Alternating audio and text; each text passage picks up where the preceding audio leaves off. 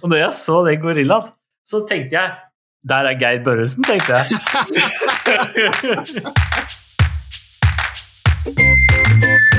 Hjertelig velkommen til episode 13 av podkasten Norsk film er. Det er her vi plukker ut én norsk film som vi snakker og nerder om i en time eller to. Og i dag så skal vi få merke sjøsprøyten sprute oss i ansiktet. Ja, og vi, kanskje får vi også lært et par eh, ting om hvor man kan tatovere seg. Ja, hvor mange tatoveringer har du egentlig, Lars? Har du Du, noen jeg, andre? eh, jeg har bare Jeg har ingen. Så Ikke heller. ikke enda, i hvert fall. Vi er kanskje feil personer til å snakke om denne filmen? Eh, Kanskje det, kanskje det. Kanskje vi skal ta en sammen? Nei takk. Navnet mitt er Lars Christian. Og jeg heter Robert. Vi fikk jo ingen Oscar eh, i år, Robert. Det var jo litt synd, da. Eh, Vi hadde jo eh, begge håpet på at verdens verste menneske skulle fått i hvert fall én. Vi satt jo her i Oscar-episoden vår, som hvis ikke du har hørt den, burde høre på, Ja. hvor vi i grunn sa at vi kom til å få en Oscar. Ja. Og så fikk vi ingen Oscar til verdens verste menneske, men vi fikk noe annet. Ja, Hva var det for noe? altså det var en æres-Oscar som også deles ut fra Academy Awards. Bare et par dager før den store, store utdelingen som eh, vanligvis skjer. Da fikk altså da Liv Ullmann en Oscar-utdeling sammen med Samuel L. Jackson og Danny Glover, som også fikk en æres-Oscar. Wow. Det, er, det skal litt til å få æres-Oscar. Jeg har ikke fått noen ennå, men, men kanskje senere. Så, og det er jo veldig stort, da. Det er ikke uten grunn at hun har fått denne prisen eh, nå, da. Ja, og hun har jo vært nominert også ved flere anledninger, som vi har snakket om tidligere. Eh, og hun har jo også vært, vunnet en Oscar, selv om, eh, selv om det ikke var hun som vant den. Men det var regissør Toril Kove da, som vant den, men hun var jo den eneste personen som var med i den filmen. Ja, Men vi skal prate om en film i dag. Ja, og nå har jeg da sett denne filmen på nytt. Og det hadde jeg jo ikke sett siden jeg var kjempeliten. Jeg kan, kanskje var syv år eller åtte år eller noe sånt når jeg så den sist. Kanskje ti. Det er også veldig lenge siden jeg har sett i hvert fall, eh, hvert fall eh, 20, kanskje 25 år siden. Ja, det, Kanskje ja, 30 til og med. Ja, det er kjempelenge siden. Det er jo Håkon Håkonsen vi skal se. Ja, eller Hakan Hakensen, som de sier på engelsk, da. Ja.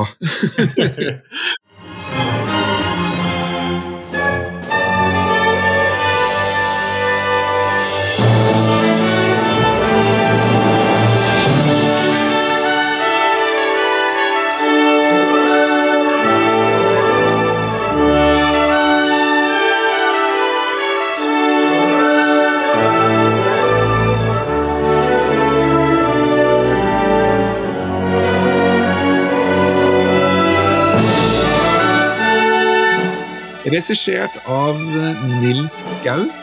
Han har vi pratet om litt før. En film fra 1990. ja, Hva husker du eh, fra filmen? da? Du har jo sett den før? det jeg husket først og fremst, var jo det at dette her var litt sånn eventyrerfilm. Og det jeg kanskje nå lot merke til, at det var jo mer castaway, altså overlevelsesfilm, liksom, Ja, nesten, ja. eh, enn det jeg kunne huske fra tidligere, at det var liksom mer eventyreren som var ute Mm. på sjøen, liksom. Men nå, nå sitter jeg igjen med et annet eh, inntrykk. Jeg husker jo filmen eh, også, eh, spesielt eh, Det er en sånn scene hvor han går inn i, i jungelen, der hvor den der slangen plutselig dukker opp fra oven, eller fra, fra en gren eller et eller annet. Og så blir han jo skremt. Den, det var jo sånn scene som man husker da, og grua seg litt til når den skulle dukke opp. Ellers så eh, husker jeg at den var jo ganske spennende, og ja, som du sier, sånn eventyrfilm. Det store spørsmålet er jo er filmen like spennende å se 30 år senere? Fenger den like mye for voksne som barn? Det skal jo i utgangspunktet ganske mye til eh, for å være like spennende som når man så en spennende film som barn. Ja, Men eh, kanskje denne har, har det i seg. Det er jo i hvert fall en film som er basert på en gammel bok som ble skrevet Ja. av en eller annen nordmann. Olav Wilhelm Falk Ytter heter han. Ja, Falk Ytter, ja. Men hans bok igjen var jo basert på Robinson Crusoe. Ja, det stemmer det. Det er en sånn ehm, Det er jo ikke bare han som er blitt inspirert av eh, Robinson, eh, altså den, den fortellingen, for det er jo en kjempegammel eh, fortelling, altså fra 1700-tallet, tror jeg. Robinson Crusoe er jo fra 1700-tallet, som du sa. Eh, Ja. Kommet i 1719, Robinson Crusoe, skrevet da av Daniel Defoe. En veldig kjent eh, bok som jeg tror de aller fleste egentlig leste når de var litt yngre. Ja. Robinson Crusoe er jo en sånn bok som er så kjent at det er liksom blitt hva skal man si, en, en sjanger i seg selv. Altså Ja, en sånn Robinsonade, kaller man det faktisk. oi, nettopp. Fortellinger som har de samme elementene som, eh, som Robinson Crusoe. Som Ja. også da eh, Håkon Håkonsson da også har blitt inspirert av. Eller så kjente jeg jo igjen noen skuespillere Ja, som man har sett i senere tid, i noe eldre utgave enn det de var i, den, i 1990. ja. Spesielt dro jeg kjensel på da Bjørn Sundquist. ja eh, han er jo med i alle norske filmer. Ja. en, en ganske ung Bjørn Sundquist og en enda yngre Carl Sundby var de jeg dro, dro kjensel på. Carl Sundby som er kjent fra Hotell Cæsar i et etterkant hvor han spilte Åge, han fyren med eh, Nede- på det øyet. Ja, han spiller litt pirat der òg, han. Ja, det er sant, det. Og selve Håkon er jo da spilt av Stian Smestad, er ikke en skuespiller eller et navn som har gjort noe særlig senere, tror jeg.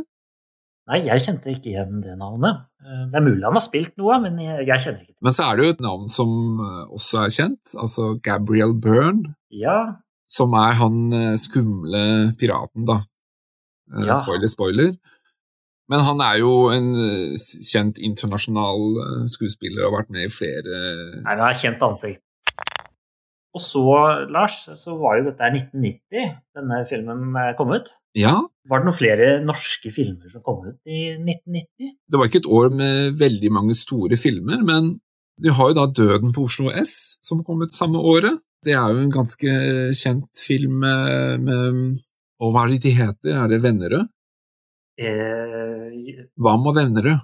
hva med Vennerød? Herman er en annen film som Ja. eh, kom ut med, som handler om en sånn gutt som blir, blir skalla, tror jeg. Det er vel, det er vel Saabye Christensen det som har skrevet den boka? Det kan godt hende.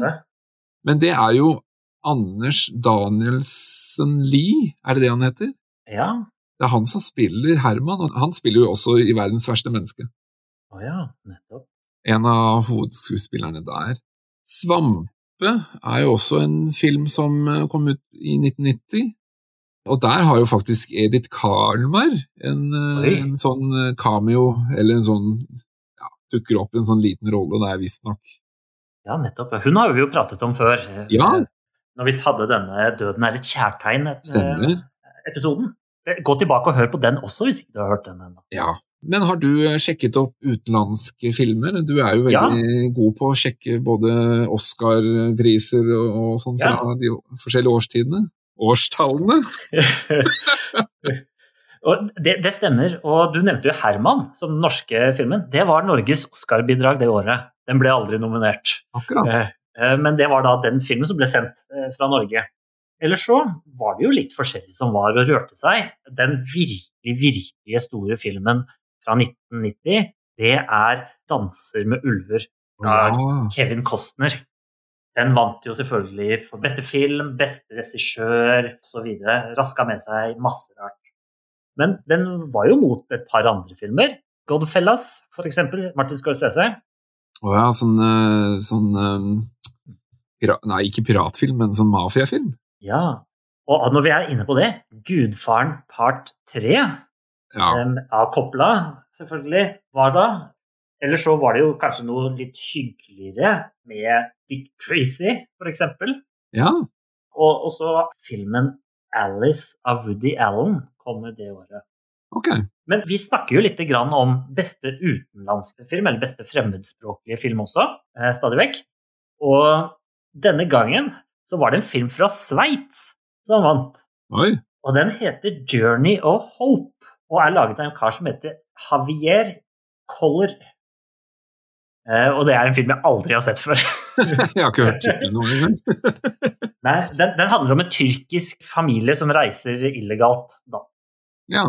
Det var det som var på Oscar uh... Ja, beste skuespillerinne ble faktisk Whoopi Goldberg Ja. på Ghost, rollen sin i Ghost. Så, så de som stakk av med roller, det var liksom eh, Det var for 'Danser med ulver' og Ghost Ja. og, og Godfellas, som stort sett tok, eh, tok og raska med seg alt. Ja, 'Danser med ulve' var jo et kjempeverk også, husker jeg. Ja, gigafilm, altså. En fantastisk film òg. Hvis ikke dere har sett den, så burde dere gjøre Ja. det. Ja, absolutt.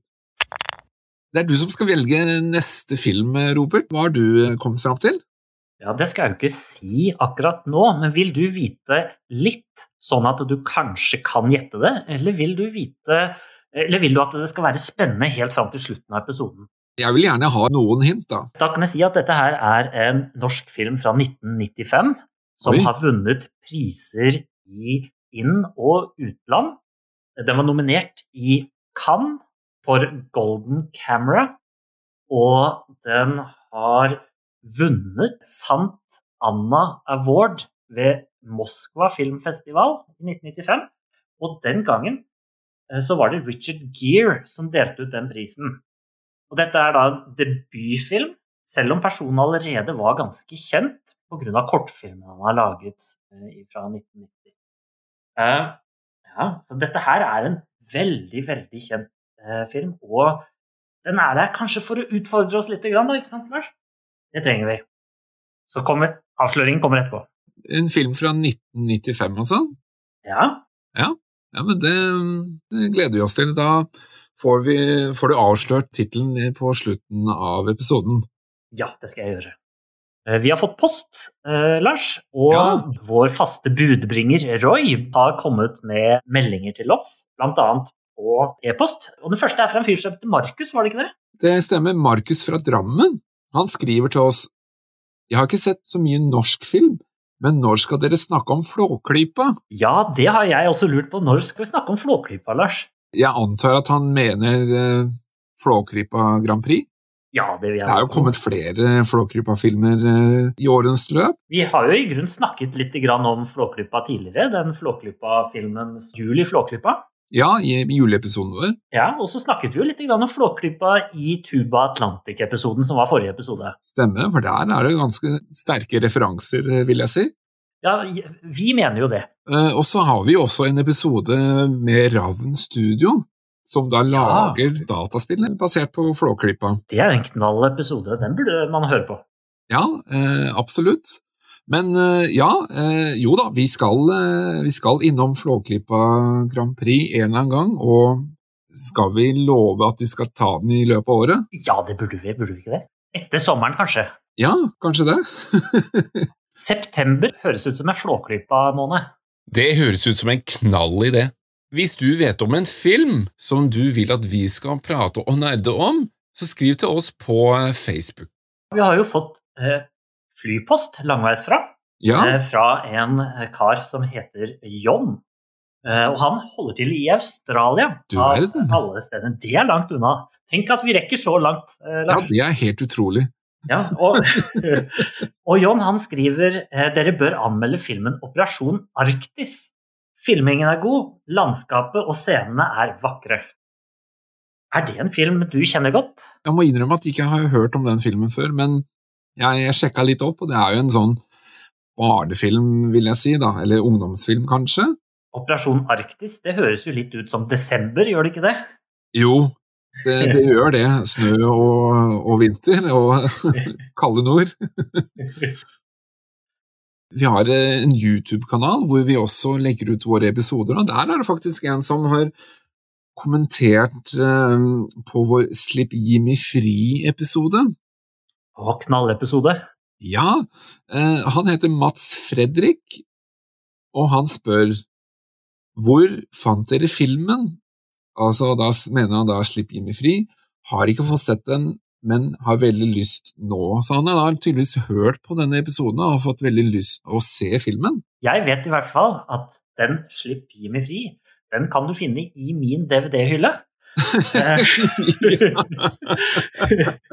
Men da er det en invitasjon til Mats Fredrik, at han kan komme hjem til deg. Eh, Kanskje ikke, vi får se. Eh, Vi får se hvor lang køen blir. Kanskje jeg må ta inngangspenger, det er kanskje ikke lov. Eh, Men hvis ikke den finnes i, i sånne DVD-filmer eller streamingtjenester, så kan man jo sjekke finn.no. Bortsett fra hylla til Robert, så kan du også se filmen på iTunes og en annen streamingtjeneste som heter Telia Play. Og så finner du den også på Google sine um, bibliotek over filmer. Og et tips, hvis, man, hvis, vi snakker om filmer som rett og slett ikke finnes på disse streamingtjenestene, eller til leie, så er det jo mulig å gå inn på finn.no og se om noen har noen gamle DVD-er liggende. La oss si det sånn, jeg har eh, neste film, da har jeg vært en tur og sjekket finn.no. Eh, og det er jo ikke bare finn.no hvor du kan finne filmer. Du kan jo også gå på biblioteket. Det kan jo være at eh, biblioteket har filmen, så kan du låne den gratis der. Har du spørsmål til oss om norsk film, gå inn på vår Facebook-side. Der kan du legge inn kommentarer, og også gi oss tips til andre filmer som du vil at vi skal snakke om. Dessuten så har vi også en Instagram-konto. Der legger vi ut bakgrunnsstoff, og også hver fredag så får vi da en filmtips om hva du kan se av en norsk film. Og podkasten den finner du der du finner podkaster, på Apple, Google eller Spotify. Og så har vi jo en egen nettside som heter norskfilmær.no, eh, hvor du kan finne podkasten. Og hvis du hører på nå, så har du kanskje funnet den allerede. Det er jo bra. Og da er det jo en rekke andre episoder også, hvis dette er den første episoden du eh, tilfeldigvis har funnet. Så det er bare å like kanalen vår, og så lytte på våre andre episoder. Så snakker vi om ganske mange filmer ofte i episodene våre. De filmene vi nevner, de putter vi i et notat under episoden i episodenotatet. Da kan dere finne det.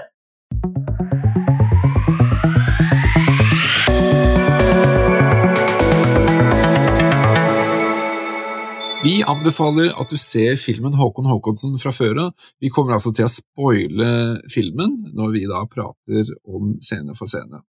Jeg lurer på hvorfor du har valgt akkurat denne filmen, eh, Lars. Hva er det som gjorde at du fikk liksom lyst til å snakke om Håkon Håkonsson? Ja, altså jeg er jo stor fan av eh, Nils Gaup eh, som regissør.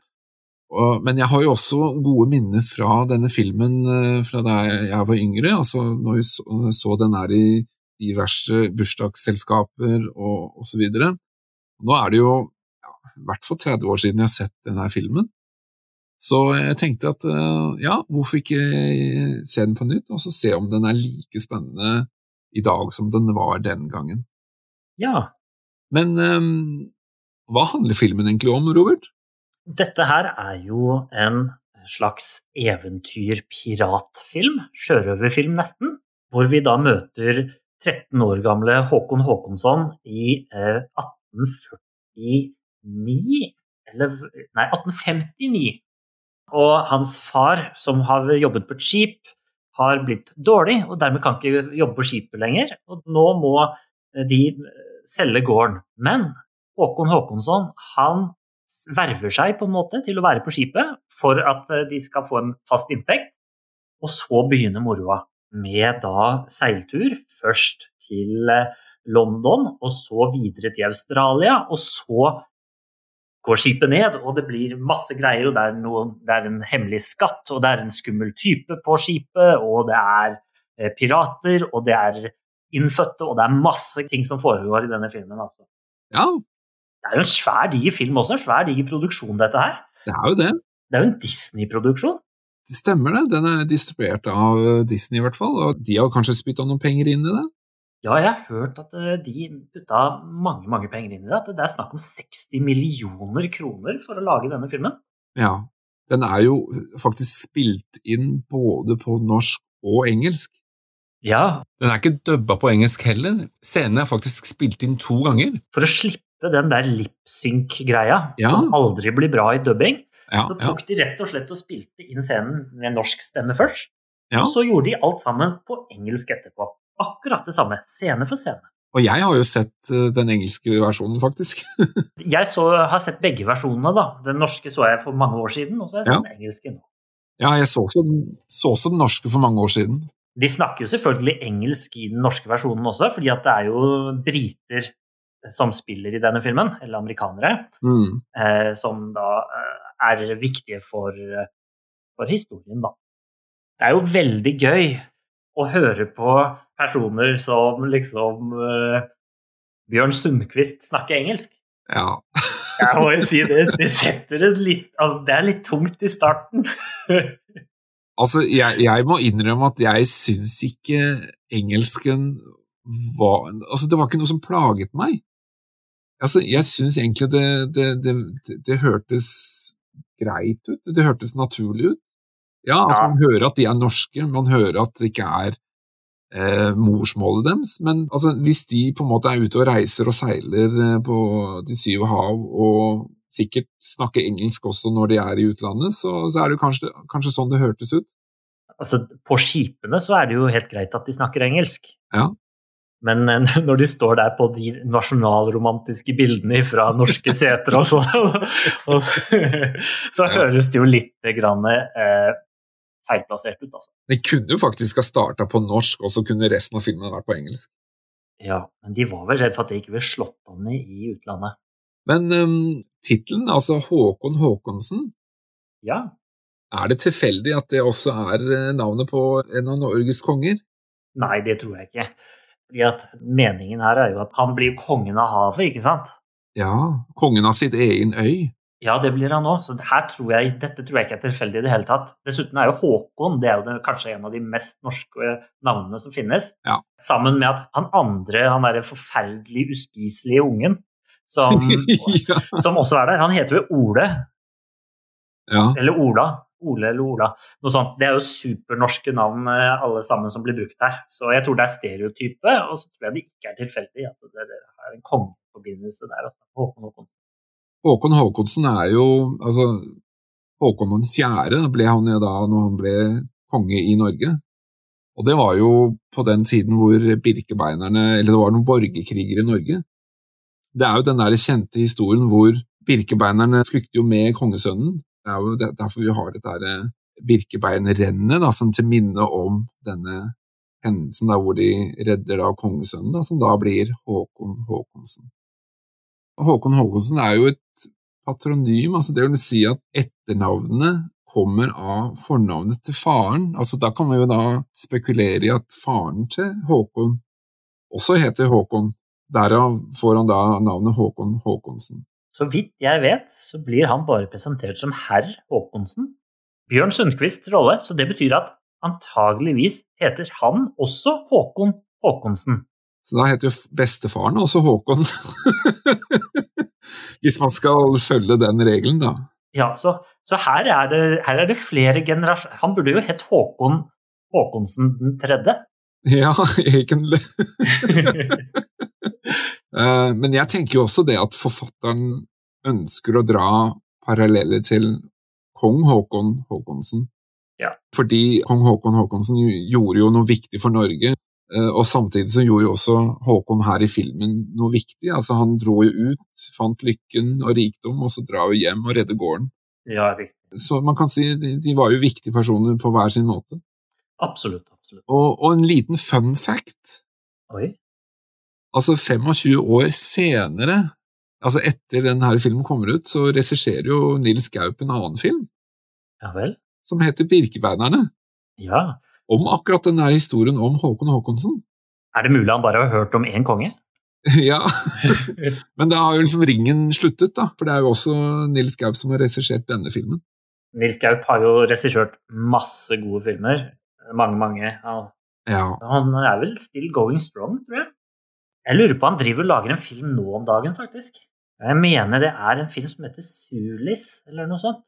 Som han driver og lager akkurat for øyeblikket. Ja, nord nok en gang en svær, diger nordnorsk eh, storfilm. han er jo veldig opptatt av eh, det nordnorske og samefolket, da. Ja, ja, han, han er vel bak Kautokeino-opprøret også. Ja, Veiviseren, blant annet. Så det er spennende. Men eh, åpningsscenen Jeg antar at du, du tenker etter at vi ser på havet. Ja, Og det, det tar jo faktisk ganske lang tid. Dette er jo noe som heldigvis de fleste filmer har lagt av seg etter hvert. Men vi blir jo satt rett inn i England 1859. ja, stemmer. London. Ja, jeg vil tro det er i London. Det ser i hvert fall ut som en luguber by. Ja. Kanskje, kanskje det ikke er London? Kanskje det er sånn Newcastle eller, eller Manchester, Liverpool eller noe? Ja. Vi blir i hvert fall introdusert til en karakter som vi kommer til å se seinere. Det blir vi. Det er vel eh, Det er vel eh, Han Merrick. John Merrick, ja. Ja, det, Ja, er, det er jo han, eh, han onde i piraten som vi kommer til å se seinere. Han, han treffer jo på en offiser, Howell, Ja. og de kjenner jo da tydeligvis hverandre, eller i hvert fall han, Howell, har jo sett han før, får jeg inntrykk av. Altså, de kjenner jo til hverandre, disse her. Det er også hans eh, botsmann er jo med der i den scenen. Så alle de skumle er i samme scene her, omtrent. Eh, men, men det virker som at her er det, det er en connection til den britiske marinen, Royal Ja. Navy. Eh, Så kan, kan det være at han eh, ikke bare spiller at han er en del av marinen, at han faktisk har vært en del av den også tidligere. Mm. Og da setter jo på en måte litt av premisset da, for filmen eh, fremover. Ja, vi skjønner jo at det her, allerede her er det ugler i mosen, og at, eh, at disse folkene, de, de slipper vi ikke unna igjen. Ja, for det går jo en stund før han dukker opp igjen. Ja, det går lang tid. Det er jo sånn typisk filmatisk grep, da, hvor man gjør et frempek. Jeg spekulerer jo litt grann i om det kanskje går litt for lang tid. Men litt av greia er at man skal glemme litt at vi egentlig har sett den. Ja. Ja da. Fordi Eh. da blir jo vi som seere også Er vi på samme nivå som mannskapet, at vi vet Ja. ikke helt hvem han er. Ja, ikke sant? For vi, ja, vi har jo teorien vi har aldri sett han i uniform. Mm. Og så er jo dette her, dette her er jo anslaget i filmen. Altså. Det, det skjer noe litt skummelt, litt spennende sånn i starten, før vi går i gang med presentasjonen av alle rollene. Vi skjønner det er lugubert. Ja, sånn som vi ikke helt skjønner eh, omfanget av enda. Nei, og vi skjønner at det ikke er riktig, eller vi skjønner at det er noe som noen i den scenen har gjort noe gærent. Ja. Men det er ikke nødvendigvis 100% klart hvem det er på det tidspunktet. Nei, ikke sant. Men da hopper vi jo veldig kjapt eh, til Norge. Ja, da blir vi møtt av et bilde av Håkon Håkonsen. Ja, eh, vakre Norge med utsikt eh, over fjell og nasjonalromantisk scene. Virkelig flotte bilder altså, av eh, Norge her, med fjell og fjord Mm. og skog og seter og det som måtte være. Vet du hvor filmen er spilt inn? Nei, ikke Nei, jeg vet ikke det.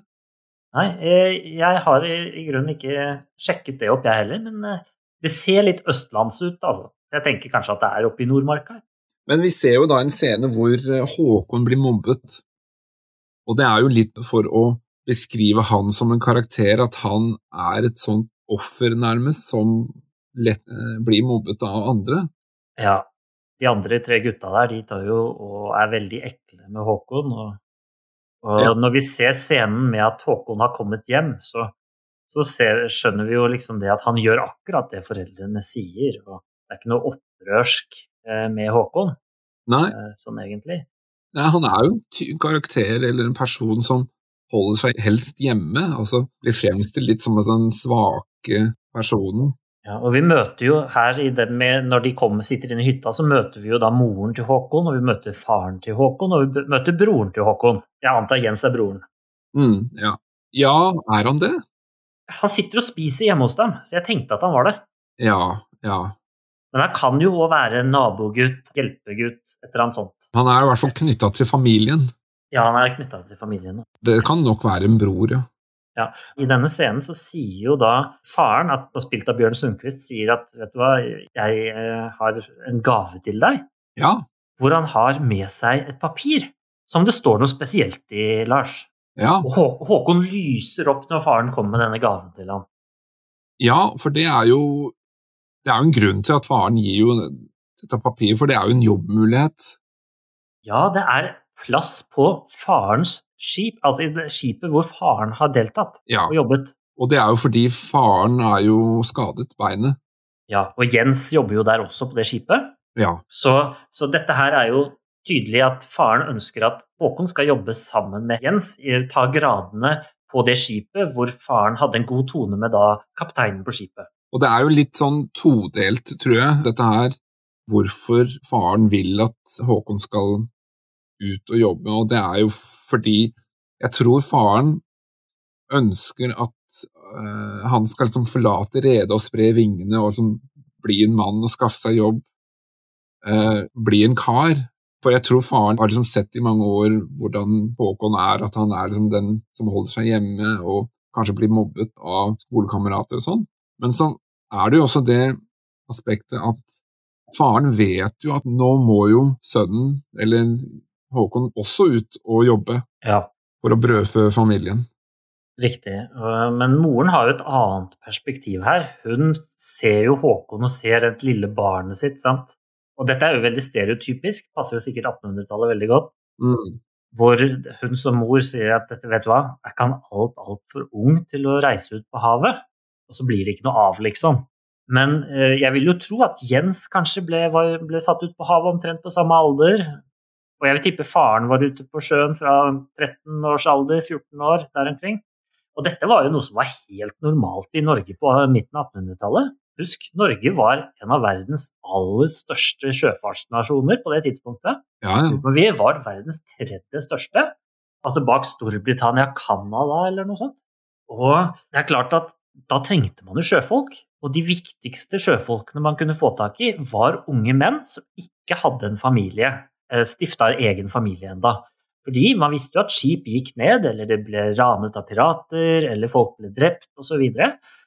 så å få disse unge herda litt tidlig, det var en god idé. Ja, og jeg tror også dette er sånn, et litt sånn sårt tema for faren, fordi han vil jo gjerne at Håkon skal liksom bli noe. Han vil jo gjerne at sønnen skal komme ut i verden og oppleve ting kanskje også. Ja. Eh, vi- Så det er en sånn der balansegang eh, som er, kanskje er litt vanskelig for faren. Ja, og så må, kan vi jo tenke oss at eh, dette her er jo Selv om jeg tipper at det er spilt inn i Nordmarka, så vil jeg tro at dette her egentlig skal fremstille å være liksom ute på fjellet omtrent. Altså Ja. langt, langt av sted. Og da er det sikkert ganske langt fra naboene, og når han da blir erta de få naboene han har, så er det sikkert ikke så mange andre å være med og sånn. Det er sikkert lite og små lokalsamfunn og Alle kjenner alle. alle kjenner alle, og hvis ikke du passer inn i det samfunnet, da er det bare å komme seg vekk. altså Komme seg på sjøen med en gang. Ja. Drikke rom og få tatoveringer og ikke sant. Eh, Få ankre på armen og hjerte og Ikke sant. Ja. Dra til byer som gjør inntrykk på deg og sånn. Ja, det blir jo tøysa litt med det etter hvert også. Men det er litt interessant at han blir jo fremstilt som den litt sånn svake, og så i løpet av filmen så får jo han en kjempeutvikling, altså Håkon. Ja. Og vi kommer også til å se noen av de andre karakterene igjen, altså for eksempel han Ola, kommer vi til, yeah. han dukker jo opp på slutten igjen også, som vi kommer tilbake til. ja.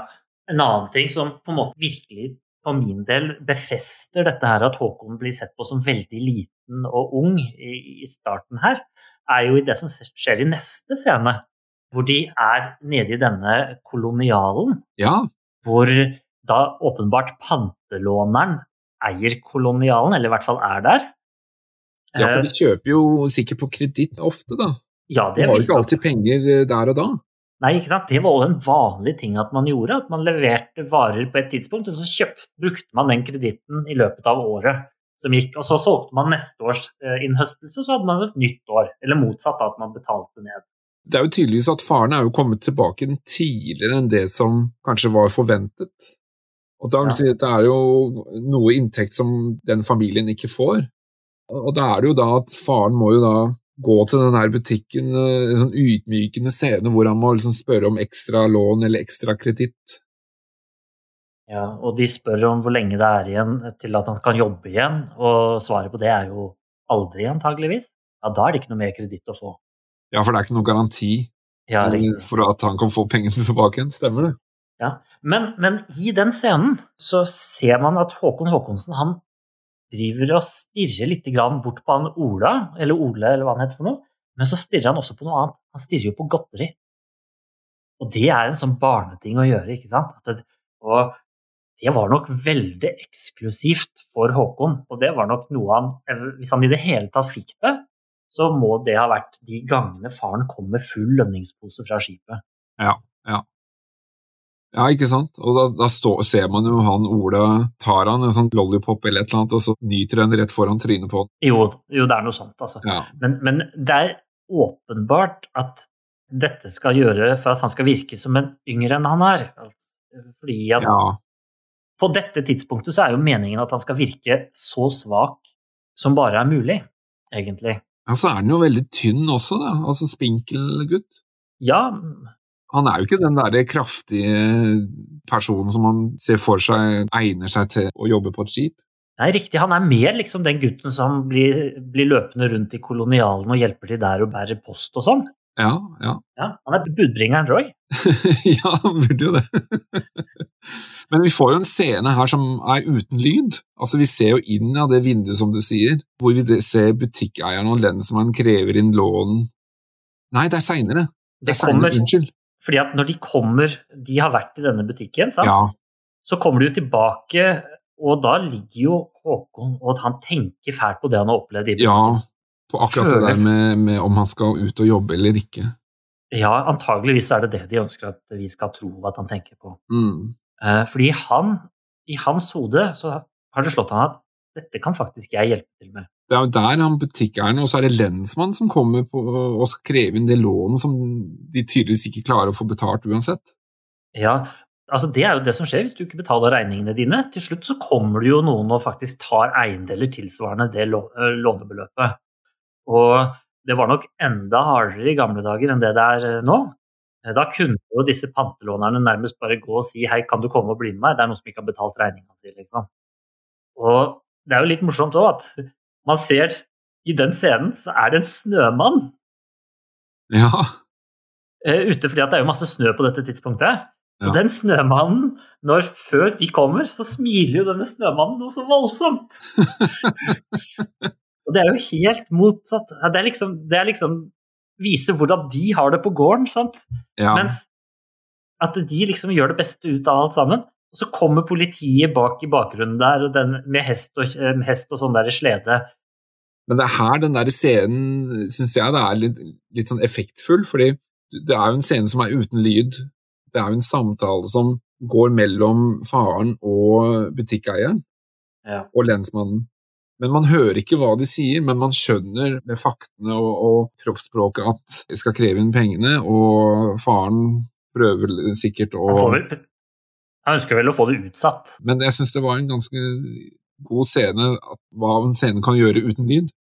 Fordi Man sier litt på fleip at lyden er 80% eller noe sånt. ikke sant? Ja, ja. Og det er jo litt fleipete, men vi er jo så vant til å ha bakgrunnsmusikk og stemningsting som skal sette oss i Ja. stemningen, at det som kanskje er det sterkeste virkemidlet, er jo bare å fjerne lyden.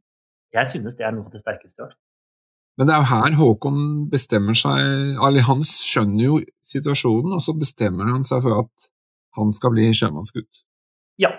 Det er vel snakk om å bli matros i første omgang. Ja. Nederste nivå på dekket, rett og slett. Altså den som vasker alt og skrubber og alt mulig sånn. Og han viser jo da at eh, bevis for at han har en plass på farens, det, det som var farens tidligere arbeidsplass. Ja, ja. Og um, du har en sånn klassisk scene der hvor han, sønnen til butikkeieren, som er den drittsekken, han som Ja. ler av Håkon, skal han liksom ut og Ja. jobbe på et skip og sånn, og så faren som egentlig har litt sånn klasse over seg, Ja. han får jo litt respekt av det der at å ja, men her er det faktisk noen som vil i hvert fall gjøre et forsøk. Ja, altså, det er jo ikke sånn at han pantelåneren nødvendigvis er verdens ondeste fyr.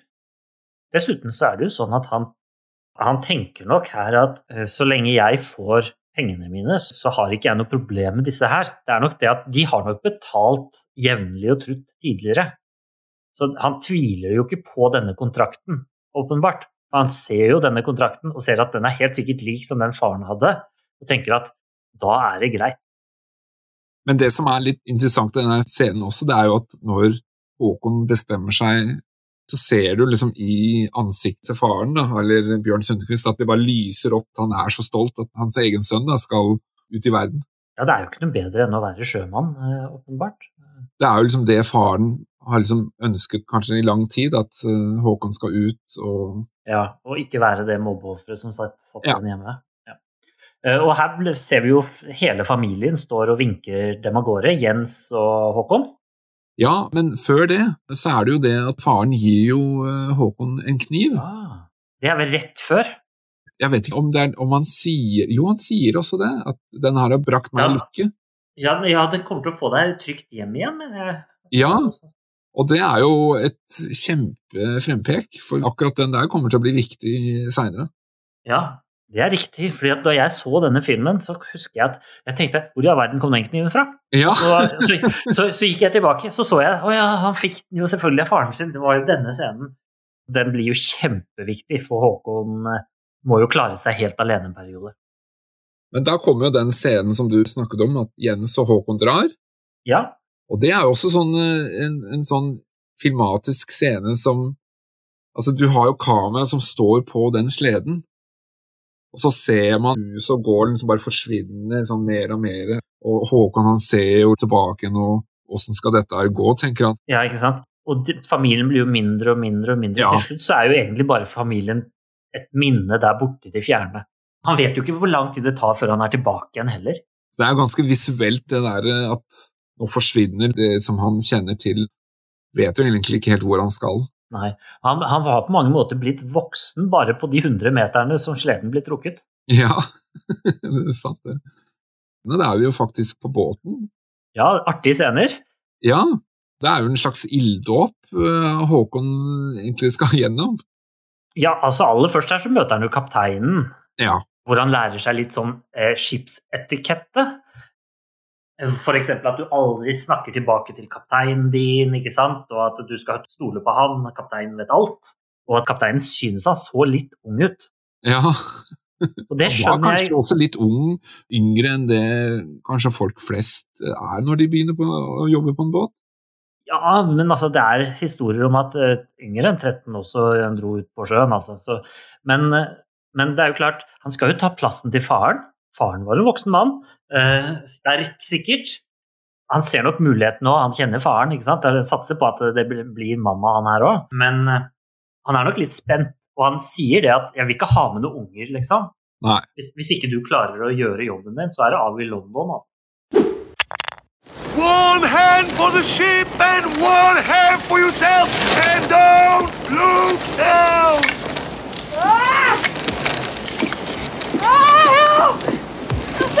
Yeah. yeah. All right, that's enough. Fun's over. Ah, just like you gents ruined the fun. I remember when the trick was played on you, Bosun. Uh, but your pants were too wet to fall down.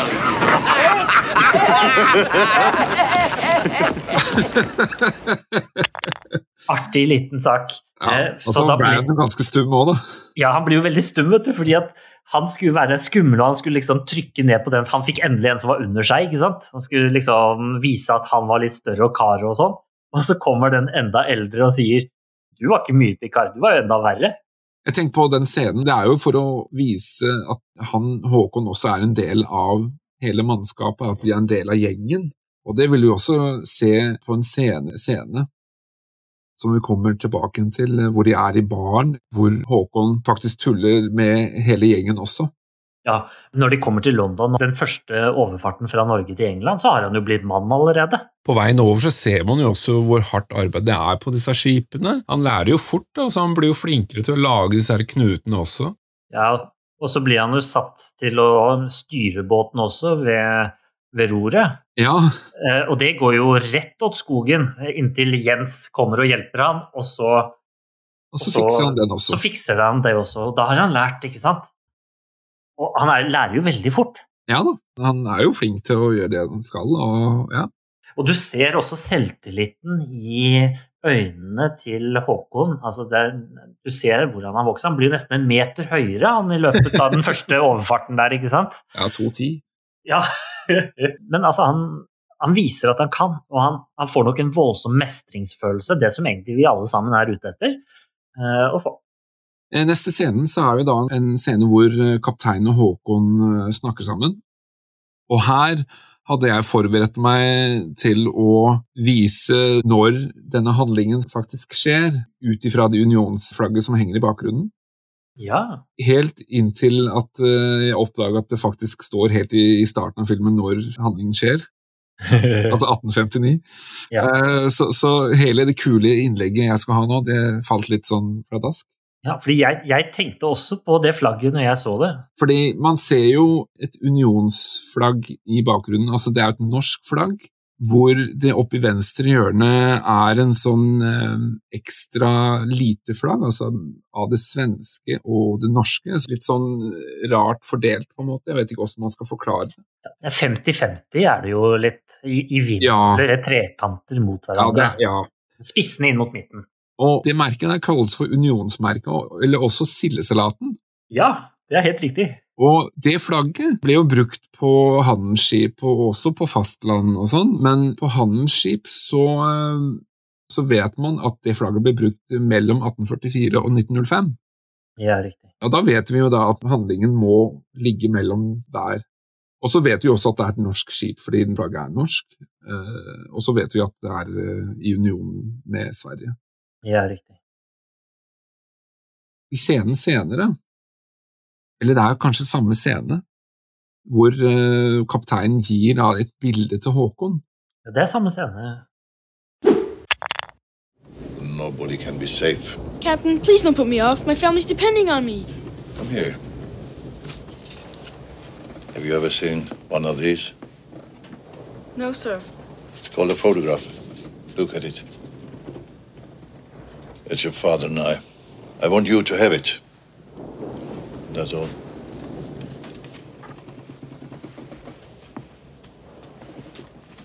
It'll remind you of home during the long voyage.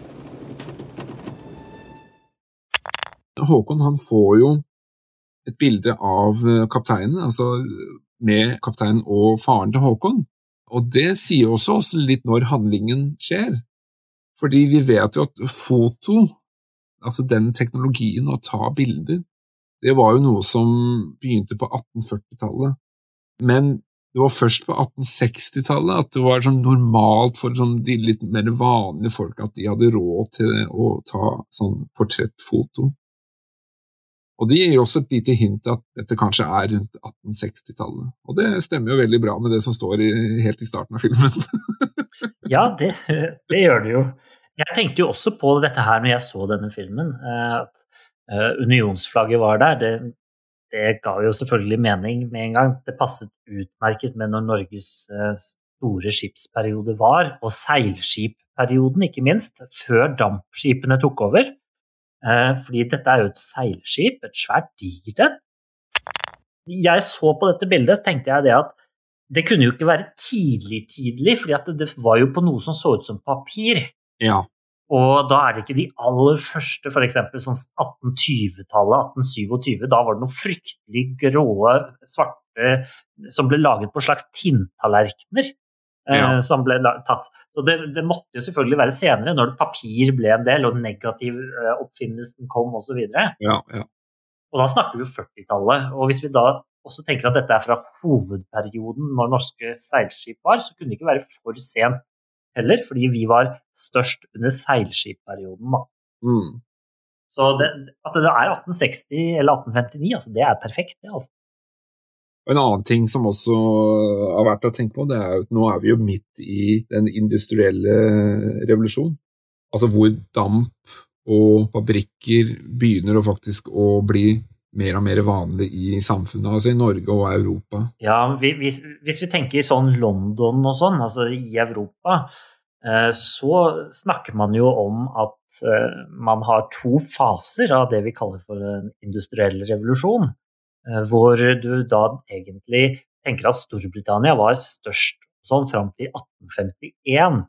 Og fra 1851 så tar Europa, resten av Europa mer over pga. annen type teknologi, altså kjemisk teknologi og, og tilsvarende. Og dette passer utmerket med hvordan filmen er satt. Altså. Du ser også det på bildene fra disse De få gangene vi ser land, så passer det veldig bra. Tilbake til den her scenen som Håkon og kapteinen har. Og så tenker jeg liksom, Hvorfor er kapteinen så dramatisk på dette her? Altså Kunne han ikke bare sagt at du har jobb, du er flink til å gjøre det du skal, og bla, bla, bla, ferdig med det?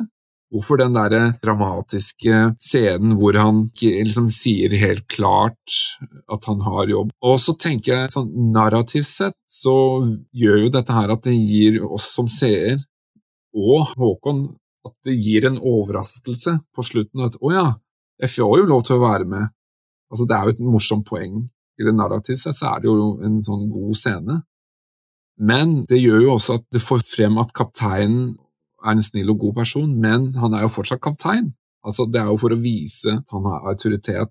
Det er fortsatt han som bestemmer at du kan få jobb, og så kan han faktisk ta jobben fra deg også.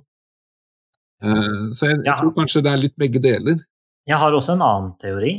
Ja. Eller en tilleggsteori, kanskje, som kanskje ikke nødvendigvis utelukker det du har sagt her nå på noen måte. Jeg synes det hørtes eh, fornuftig ut. Dette er jo et bilde av kapteinen og faren. Og Mm. hvorfor i all verden skulle kapteinen ha et bilde av kapteinen og faren? Ja, Det virker jo for meg som at de var litt ekstra gode venner, på en måte. Og jeg ser også for meg kanskje at kapteinen husket tilbake til den gangen han selv var på skip første gang. At det, hva var det han savnet? Jo, det var det at han huska kanskje på Mm. hvordan det var hjemme, savnet familien sin osv. Og nå, når han da tross alt kjente faren og hadde et bilde av faren, så kunne han gi det til han, sånn at han kunne ha noe liksom på en måte trøste seg med litt, på en måte, når han var på de lange overfartene, ikke sant? ja, for han har sikkert opplevd noe av det samme sjøl, at Ja, vært langt borte fra familien, og så har han kanskje ikke hatt noe bilde av sine foreldre, eller, for dette er jo enda lenger tilbake. Helt riktig. Altså, han var jo sikkert ung på Hva skal vi tenke at han var ung helt på starten av 1800-tallet? Og da var det jo ikke noe, for da fantes jo ikke fotografiet selv i sin spedeste ungdom. Og bare det at Håkon her får denne tryggheten da, om at kapteinen faktisk bryr seg litt, jeg tror det er litt viktig òg. Det er jo også en viktig del av historien i filmen at vi ser at kapteinen er jo faktisk en snill og god person. Det er Ja. en person som han har lojalitet til. Ja, men vi oppdager også at han ikke helt 100% stoler på han. Å, åssen det? Jo, fordi han, senere, en senere scene så Fordi at Håkon er litt usikker på hva han kan si. Hvis liksom kapteinen hadde vært hans beste venn, så ville han fortalt om f.eks. våpen som lå nede på båten. Ja, stemmer. Men han tør ikke gjøre det fordi det er kapteinen. Det er litt ekstra skummelt. Det er jo et viktig poeng, altså spoiler, spoiler, fordi kapteinen forsvinner jo senere. Ja, og ikke bare forsvinner han, han dør jo. Ja, og det er jo også et vendepunkt i filmen, fordi de har liksom knyttet de tette båndene, og så forsvinner jo kanskje det trygge og gode eh, Håkon hadde på båten. Ja, Og fra det av så går det jo skikkelig åt skogen med hele greia. Ja. Ja, eller kanskje det går til havs. Altså det, Går til dundas. Ja, det går til dundas, det er 100 sikkert. Eh, men de ankommer i hvert fall London, Ja, til Det er en artig liten sak der. Fordi dette er første gang Håkon er ute og reiser. Ja, Han har jo aldri vært i noe utland. Han har helt sikkert ikke vært i noen by engang, tenker jeg. Når han går rundt der, så ser han jo alt hva denne byen har å by på av skjøger og andre ting. ja. Alle skal ha en bit av ja, og her kommer jo han unge Håkon, ikke sant? Eh, som nå har vokst en meter på en måte, og har selvtillit og alt mulig rart. Og helt åpenbart Jens har hatt en bit av disse. Ja, han skjønner jo hva de er ute etter. Håkon derimot er litt mer uskyldig, Ja. og det er jo bra. Eh, Men de kommer jo til den puben som heter The Buccaneers. Ja, Og det er jo samme stedet som helt i starten av filmen. ja riktig. For det er også rett utenfor den der eh, puben. Men nå er vi da i dagslys, og det er ikke sikkert man kjenner det igjen. Men det er altså der hele mannskapet tar seg inn for å få en dram. Og da er det jo selvfølgelig de edle dråpene som gjelder. Ja, Dette har jo ikke Håkon vært med på. Nei, så han, han eh, blir jo spandert på en pils, eller hva det nå enn er, og så lærer jo liksom å drikke for første gangen, sikkert. Ja, men han drikker jo melk. Ja, men han prøver en pils først, og så vil han heller ha melk, og så spanderer han jo melk på alle andre. Ja.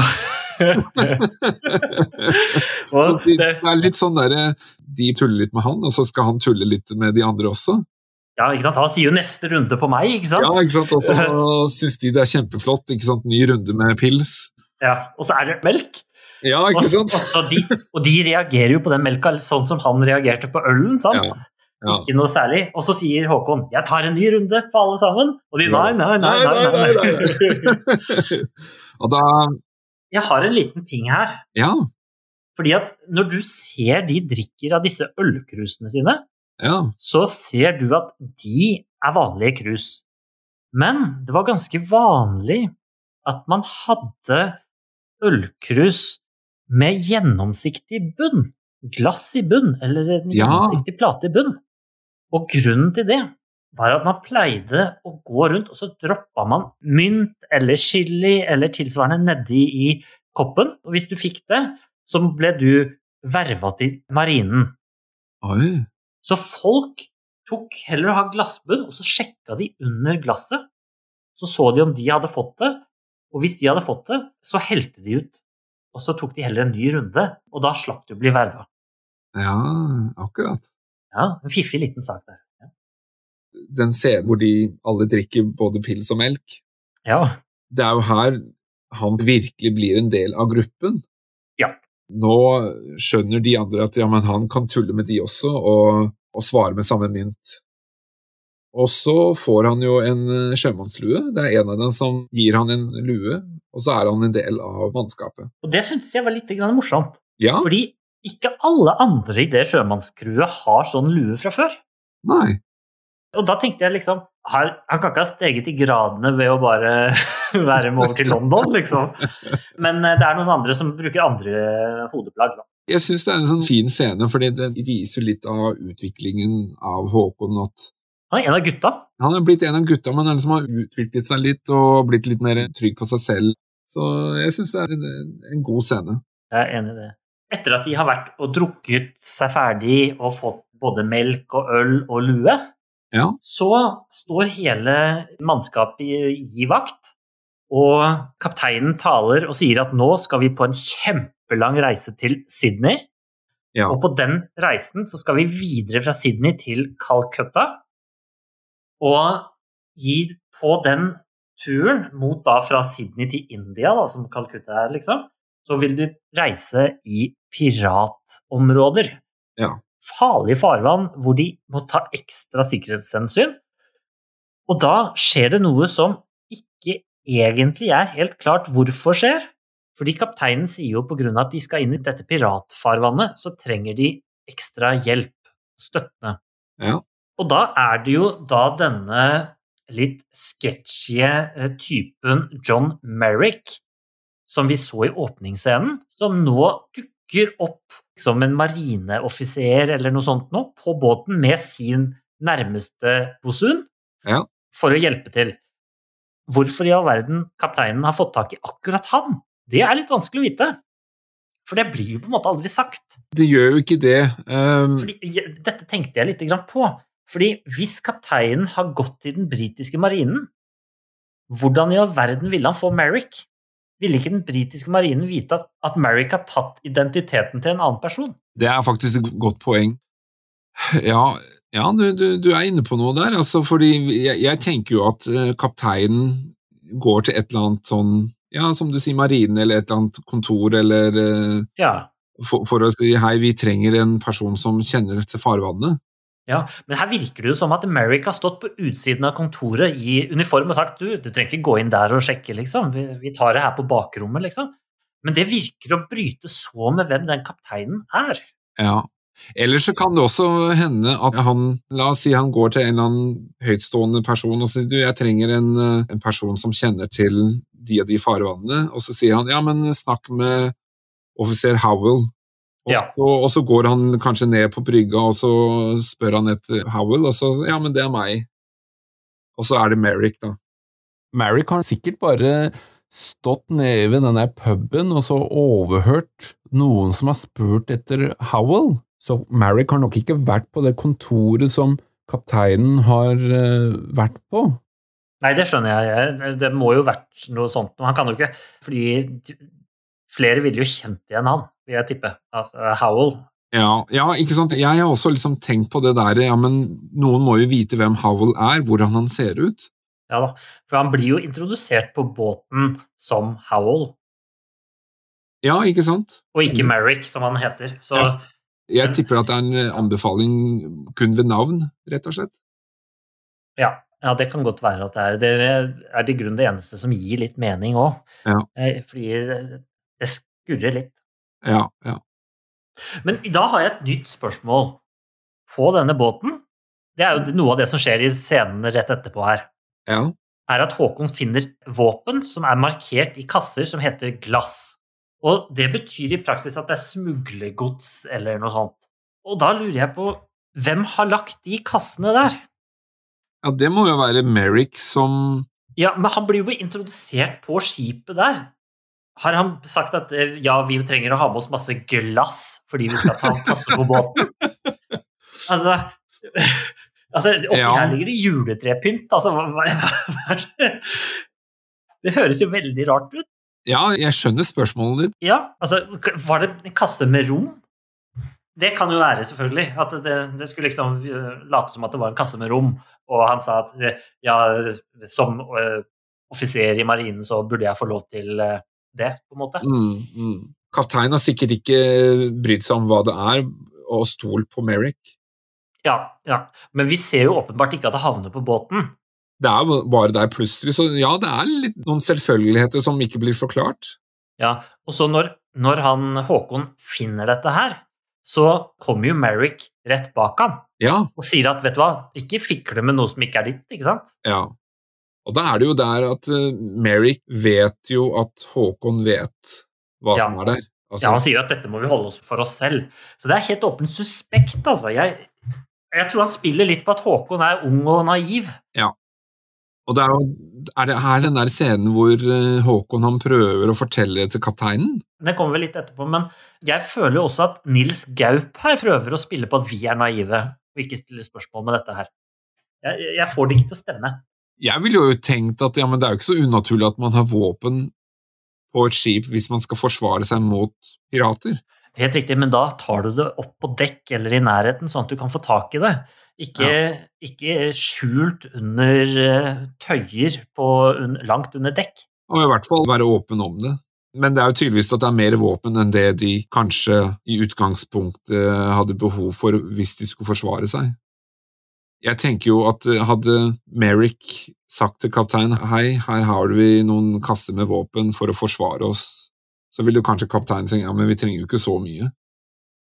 Jeg mener jo at det er jo her eh, Håkon han prøver å snakke med kapteinen skal jeg fortelle noe til deg hvis jeg vet om noe? Ja, riktig. Eh, litt grann før dette er jo at når Håkon får vite dette av Merrick, så, eller får se dette og snakke med Merrick, så holder han det for seg selv en natt. Ja, Og, og den natta så blir jo drinken til kapteinen blir, blir det helt noe muffins oppi, med tre kors på, så du skjønner at den er ikke mye bra. Og dødningshodet og det som måtte være. Vi har jo sett kapteinen tar og drikker sin egen dram, ikke sant? Og, han er veldig glad i whisky. ja, ikke sant? Eller rom, antagelig. Er ikke det sjørøverne drikker? Jo, han er jo ikke sjørøver. Nei, det er sant, så kanskje han har whisky, han. Eh, og så kommer Håkon ned til kapteinen og sier du, hva hvis jeg vet noe som kanskje ikke alle vet? Kapteinen ber jo da Håkon å sove på det, og det er jo litt dumt. Ja, for kapteinen er det jo veldig dumt. Ja, ja fordi han blir jo skikkelig sjuk. Det er jo her dette er det store vendepunktet i filmen, ikke sant? For når han, kapteinen da dør, da, så går det jo egentlig bare én vei for hele mannskapet. Ja, det går jo til skogen. Og Håkon brenner jo inne da med den hemmeligheten om dette her. Han begynner å ane muffins, og nå begynner han å lure på hva skjedde med kapteinen. Men de ankommer jo Sydney, Australia. Ja, først er det vel begravelse, er det ikke det? Jo, det stemmer det, de skal jo um, Og det er en veldig fin scene. Ja, Han får jo da selvfølgelig, som en ekte sjømann, så får han jo en hva heter det, naval funeral. Altså en, Ja. at de kaster han på sjøen, rett og slett. Kaster på sjøen, ja. Ja, med norsk flagg over, og, men det er regnbue i bakgrunnen. Det er riktig fint, altså. Det er et vakkert øyeblikk. Så Så kapteinen kommer aldri til Sydney, han kommer aldri til Sydney, det er helt riktig. dessverre. Håkon. Sydney's the kind of harbour that leaves a mark on a sailor. Really? Did on me. Rig those cargo blocks. Go on. Eh? Other side. Easy there. Mother. Når de kommer til Sydney, så er det jo um, Det er jo en morsom scene. Hvor det er en av mannskapet som sier et eller annet med at Sydney har liksom gjort veldig inntrykk på han. Og så drar han liksom den der skjorta opp, og så har han liksom tatovert eh, forskjellige navn med årstall på, da. Ja. Damenavn. um, så, så, og, det er, og det er også et clou på når denne handlingen faktisk skjer. Disse sjøfolka hadde jo en dame i hver havn.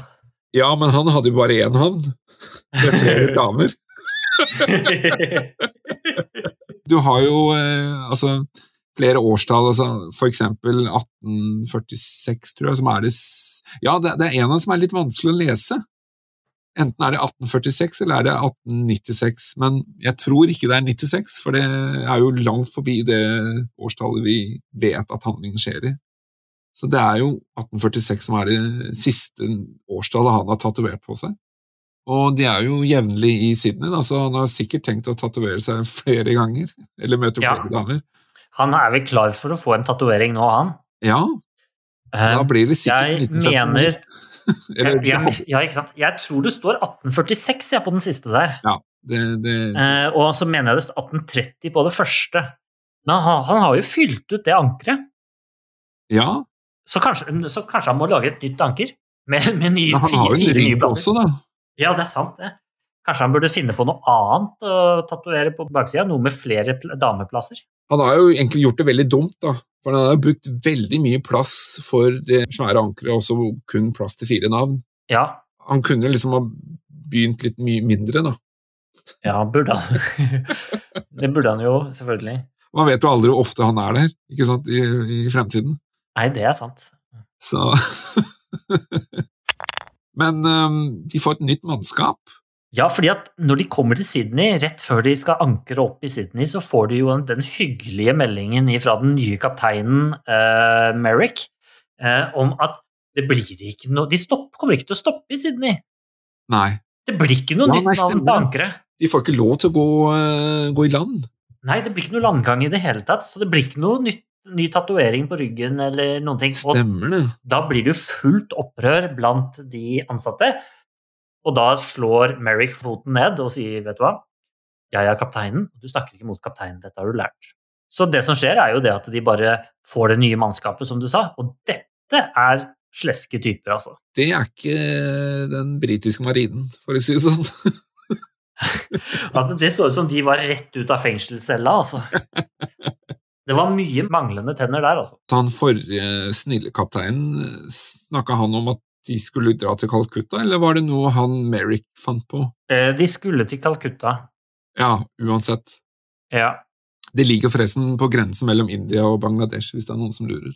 Det ligger faktisk litt inne i landet, men det er en sånn elv som faktisk når helt opp til Calcutta. Men ser vi at hun jenta, altså hun som Håkon oppdager seinere, ja, at hun sniker seg om bord? ja, ser vi om hun sniker seg om bord? For det har Nei, det, det kan ikke jeg se. Nei, det, jeg tror kanskje ikke det heller. Men de er i hvert fall ute på havet igjen, og jeg vet ikke helt hvorfor han Håkon er nede i, under uh... Han skal levere noe tau som de har brukt helt sikkert oppe på dekk, og så skal han ta det med under dekk for å legge det tilbake. Ja, Og da skvetter han jo til, fordi han ser jo noe som beveger seg, og det viser seg å være en jente på omtrent samme alder som Håkon. er en ganske søt jente. Ja, en ung jente som sikkert Håkon syntes var veldig sjarmerende. Hun hadde jo noen kunnskaper som Håkon ikke hadde. Hun kunne jo lese, skrive, Ja, og det er godt. hun begynner jo faktisk å lære han å lese. Ja. Og det er jo fra et sånt uh, diktverk som heter Kubla Khan. ja. A Vision in a Dream, A Fragment heter det. Og det er skrevet av Samuel Taylor Coolridge. ja hvilket år kom den ut, Lars? Jeg sjekka det også, og den er jo fra Kom ut da i 1816. Så det passer jo veldig godt inn i historien sånn sett. Ja, at hun kanskje har fått det på barnehjem eller noe sånt i Ja. Australia? Ja. Så de blir jo i hvert fall veldig godt kjent med hverandre, da, og hun lærer jo han å lese, og han syns det er veldig ålreit. ja, han har fått en ny venn, en på sin egen alder. Ja. Litt sånn småromantikk. Ja, i grunnen så det virker jo som at det er det. Det er et go- godt øye eh, fra begge veier. Ja. Og om hun jenta gjør det litt for å være trygg, eller eh, prøver å sjarmere han litt Ja, altså jeg, jeg tror det er litt sånn gjensidig også, fordi at uh, han er vel aleine på skipet, og hun er jo aleine.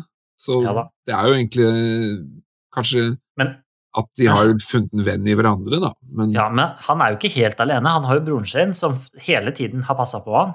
Ja, og han oppdager jo også at hun er der. Ja, det er jo rett omtrent med en gang etterpå. Håkon holder jo henne hemmelig, for han skjønner jo at eh, det er ikke lov å ha blinde passasjerer på skip.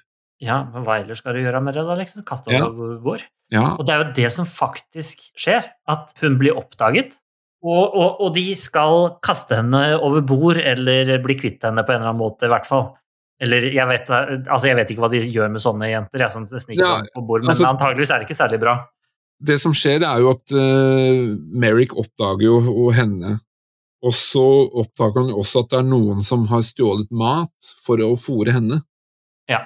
Og det er jo det han prøver å da presse mannskap for å finne ut hvem som har gjort det, og så blir jo hun da sendt ned i um, Ja, og satt ned i fengselet i, i, i, bånn. Fyllearresten, egentlig. Ja. ja. Og så prøver han jo å liksom true mannskapet på eller annen Eller få fram hvem som har gjort det. Ja, de fleste vet jo ikke det, så at de kan jo ikke melde seg hvis de ikke vet det. Nei, ikke Eh, sant? Men Jens han melder seg skyldig, Ja, fordi Eh. han vet jo at Håkon har gjort det, og um, Håkon er jo altfor ung. Han vet jo hva som kommer til å skje. Ja, men det, det, det er vel egentlig det at kapteinen, altså Merrick, han tror at det er Jens. Det er vel først etter at han har sagt det. Fordi jeg, jeg mener at Det er ikke bare det at uh, Jens er den som motsetter seg, eller altså sier ifra, og på grunn av det så, så tror Merrick at uh, det er Jens som har gjort det.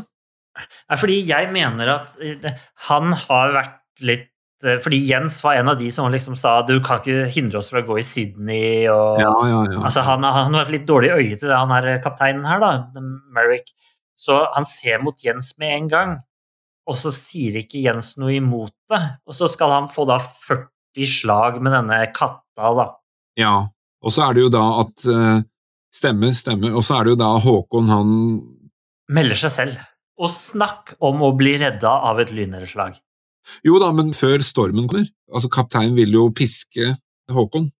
For da kommer jo Jens og vil redde Håkon. Han vil jo ikke overleve, og så blir han jo bedt om å piske Håkon selv. Ja, dette her er ikke noe som ville skjedd på et vanlig skip, tror jeg. Jeg tror dette er typisk sjørøverskip. Ja, ja, ja da. Jeg tror de norske skipa var mer humane, for å si det sånn. Ja, selv om det foregikk mye gærent der også. Ja. Eh, Slavetransport og alt mulig eh, filleri, ikke sant? Men jeg, men jeg så ikke for meg at han snille kapteinen var den typen. Nei, ikke sant, ikke jeg heller. Men her så blåser jo opp noe voldsomt, Ja. altså. Det blir jo redda av denne lynet som slår ned i, i masta. Ja, og det var jo kjempeflaks, Ja. for, for så vidt. Snakk om god timing. Ja, skulle tro det var film. Og det blir jo skikkelig lurveleven av en storm, altså. Og samtidig så husker jo Håkon at Mary er jo låst inne. Og dette er en kjempeskummel scene, sånn egentlig. Ja, Tenk at dette her er sånn som barn ser på. ikke sant? Altså, det, vi, vi så det når vi var veldig unge. ikke sant? Og jeg syns den var kjempespennende. Det Den var kanskje mer spennende enn skummel. Ja, ja, det kan godt være. Og den er veldig visuelt god, fordi at når liksom vi ser eh, vannet stiger og stiger og stiger, ikke sant? Ja, ikke sant? tida går. og den forsvinner ned og gulvet under vannet og sånn. Ja, ikke sant? Og, og når vi ser vannet fra ovensida, så ser vi at det er alt det skummet, mens når vi ser vannet under, så ser vi at det er klart, men det er bare for at vi skal kunne se nøkkelen. Vi skjønner at det er full storm her, også inne. Det som er så bra, det er at vi ser jo hvor nøkkelen er, ikke sant? Men, Ja. og han prøver liksom å føle seg frem og, og får nesten tak i den. Og, ja. Og så finner han til slutt, heldigvis. Og det var bare på hengende året. Men den her scenen Altså, det er noe som sier meg at jeg har sett lignende scener i andre filmer. ja, Jeg prøvde å sjekke ut Pirates of the Caribbean, ja. og det er en scene som ligner litt, fordi der er det også eh, Altså, i første filmen så er det også en scene hvor han her eh, eh, Å, hva heter han? Han gutten? Will Turner. Will Turner er det selvfølgelig. Det er en scene hvor Will Turner, altså Orlando Bloom, er også fanget under dekk. Men den er ikke helt lik heller, for det er ikke noen nøkkel, og han klarer å komme seg unna på egen hånd uansett. Kan det ha vært Kaptein Sabeltann? Nja Jeg mener også jeg har sett lignende scener. Altså. Men Det, det er jo Kanskje det er den derre den derre Commander og en uh... Kan det ha vært noe ubåtgreier? Hvis det er noen av dere lyttere der ute som kjenner igjen denne scenen i en annen film, skriv gjerne til oss på Facebook-gruppen om eh, hvilken film det kan være. Da ender jo Håkon opp alene på en øy. Ja, fordi skipet går ned, og han havner på en planke eller noe, noe flak eller noe greier, og blir skylt opp på en øy. Ja, og for alt han vet, så er jo alle andre døde. Ja. Og, det, og her er det jo noen utrolig vakre bilder, altså fra øya med solnedgang, og det er palmer, og det er strand, og det er faktisk eh, ganske bra filmet, syns jeg. ja, og dette her er jo filmet på Fiji, eh, og Fiji er jo nydelig. Ja, jeg prøvde liksom å finne ut hvor handlingen egentlig skulle Ja, hvor, han har, hvor er øya? Hvor er egentlig Håkon ender opp? Fordi dette her er noe jeg tenkte litt på. Fordi senere i en scene så ser vi at Håkon ser røyk fra en annen øy. Stemmer. Og da ser vi at vi ikke er så langt unna. Ja. Så vi er i en øygruppe eller tilsvarende. Mens når han strander på denne øya, så virker det jo som at han er den eneste i verden altså, som er levende. Ja, ja, ja. Men som sagt, den er filmet på Fiji. Det er jo ikke sikkert det er Fiji som er der han egentlig ender opp i, i boka. De skulle jo til Calcutta Og det er jo, fra Australia. det er jo et hav av øyer der, for å si det sånn. Ja, vi har noen å velge på. Så det kunne vært interessant å funnet ut av det. Det er jo ikke sikkert at det står i boka heller. Nei, fordi det sto i boka at det var til Sydney de var. Ja.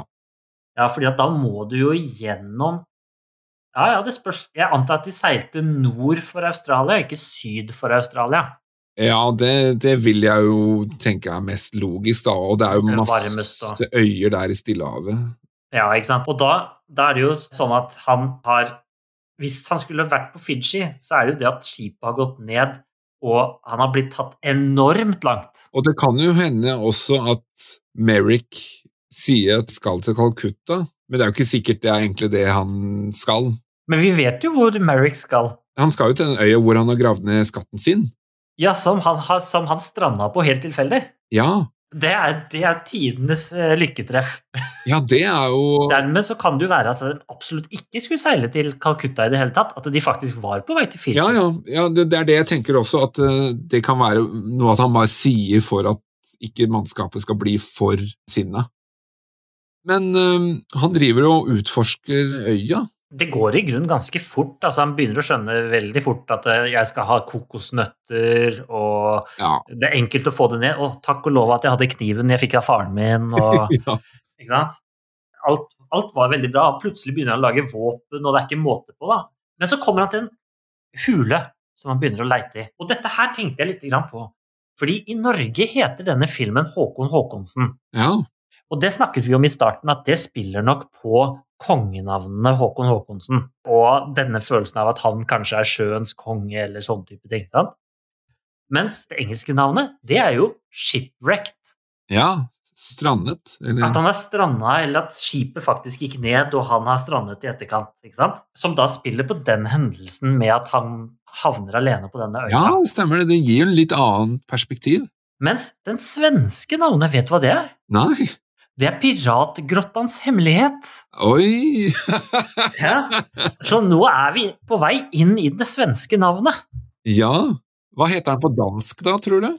Du, det vet jeg ikke, men skal vi, Jeg skal eh, sjekke det altså. skal vi gjette at han heter Håkon Håkonsen?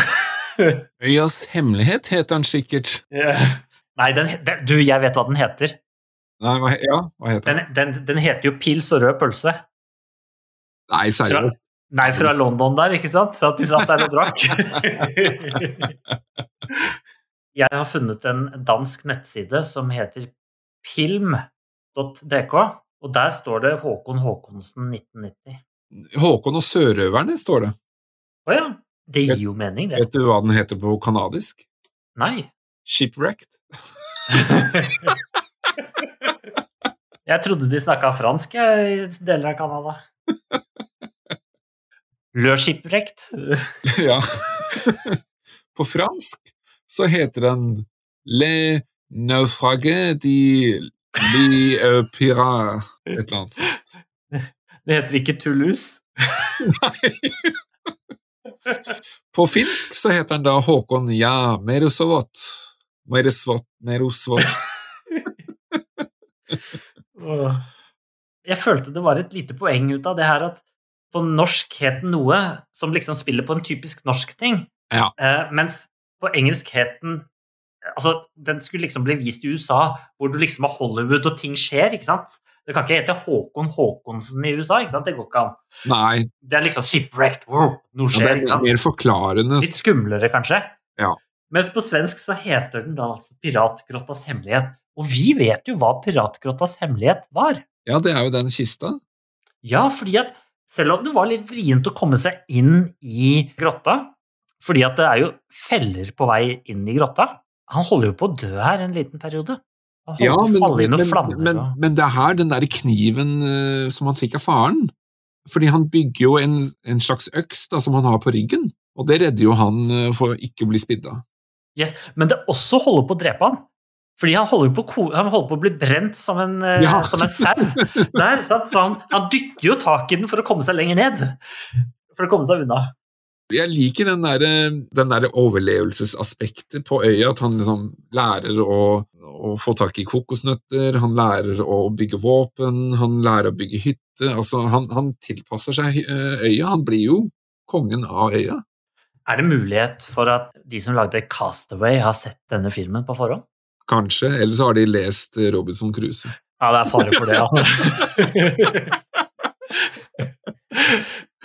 Eh, Men når Håkon har klarer å komme seg opp og gjennom disse farene, så kommer han seg helt inn til innerst i grotta. Der finner han en skatt. En gigantisk skatt. og det er jo skatten Ja, det er Merricks skatt. Og du ser hvor verdifull den er. Det, det boner av gull og diamanter. Ja, Og også våpen. Det er også våpen i en kasse. Ja, det er en machete. Ja, machete og, og flintlåspistoler og sånn. Og det sverdet skaper en av de fineste scenene i denne filmen, spør du meg. Når han danser i solnedgangen der eh, med det fantastiske oransje sløret, Ja. nærmest. Det, er- det er nydelig, altså. Vakkert. Det, det er bra fotografert, altså. Absolutt strålende fotografert i denne filmen. Jeg har en ting at Hver gang han møter på ting, så rydder han veldig fort. Har du lagt merke til det? Altså, det lå jo strødd utover hele, hele eh, stranda, og så plutselig var alt sammen ryddet i en fin haug. Ja. Det er noen annen ting som jeg har oppdaget også med, med alle disse tingene som var drevet i land. Ja. Eh, Det er et anker der. Jeg vet ikke hva du tenker, men eh, jeg, jeg har aldri hørt om at et anker de klarer å, å flyte på vann. Nei, jeg skal ikke egentlig ankre Hvis et skip går ned, altså treet og sånn, det flyter, men et anker vil jo bare gå rett i bunns. Ja, med mindre det lå oppå en ting som hadde større flyteevne enn Det andre. kan jo hende, da, men det lå Ja. i hvert fall der på stranda, og ja, eh, sannsynligvis så vil det kanskje ikke det ha skjedd, men eh, Jeg snakket jo om disse fantastiske, flotte bildene som eh, er i denne filmen. ja, Og da tenkte jeg at da kan vi gi litt kred til sjefsfotografen i filmen, Erling Turman Andersen, eh, som eh, døde i 2002, 57 år gammel. Så han levde ikke så mye lenger enn eh, bare tolv år etter at han lagde denne filmen. ja, men det er jo Eh. fantastisk eh, jobb han har gjort, da. Ja, fantastisk jobb. Og han har vært filmfotograf på enormt mange filmer. Eh, Men veldig mange eh, litt sånn smått ukjente filmer, eh, i grunn. Så han har vært viktig helt fram til han døde, altså. Han har faktisk gitt ut en film etter at han døde. Oi, åssen er det mulig? Ja, altså, han spilte filma den vel når han levde, da. Men all kred til han, altså. Jeg synes dette var virkelig bra gjennomført. Nydelig film. Han går gjennom disse her eiendelene til Merrick. Det er jo ikke bare gull og glitter. Han åpner jo den, og så finner han jo et piratflagg. Ja, riktig. Og så finner Altså, jeg Ja, dette her er jeg faktisk litt usikker på, fordi jeg tror at dette her er fra grotten og ikke fra skipet. De våpnene som ligger i sånn Nei, jeg tenker på, på det avisutklippet og, Ja, riktig, riktig. Ja, det, det, og, og det piratflagget. Altså, det er ikke det at det betyr så veldig mye. men det er fra kista. Fra grotten? Ja. Ja. ja, jeg tror også det. Ja det, det er 100 Det gir jo ikke mening at, eh, at Merrick vil ta med det på et skip. Nei. Han la jo det ligge igjen for å ikke bli avslørt. Og da skjønner jo Håkon hvem Merrick egentlig er. Ja. Han skjønner jo at han er Merrick. Mer han skjønner at det, det er ikke denne Howell som Ja. man trodde, at, men at Merrick er en fantefyr, altså en Ja. sjørøver. eh. ja, at han er etterlyst, faktisk. Det er jo det avisutklippet viser. Ja, og han kommer til å komme hit, tenker han. Ja, annet det, det, det skjønner han jo faktisk med en gang. Ja, og da skjønner han jo også at han kommer ikke til å være der alene for evig. sant? Jeg vil tenke at han tenker at oi, nå må jeg passe meg for Merrick når han kommer. Og to, jeg har en vei ut når Merrick kommer. Ja, for da flytter han jo den der hytta som han har bygget ned på strandene, og flytter alt inn i skogen. Ja. Og så møter han jo en gorilla. Ja! det er når morsomt. Og når jeg så den gorillaen, så tenkte jeg Der er Geir Børresen, tenkte jeg. Ja, det er ikke umulig. Men det er ikke Geir Børresen. Men eh, det er en greie, skjønner du, fordi gorillaer finnes ikke på Stillehavsøyer. Nei. Så dette her er jo veldig mystisk, da.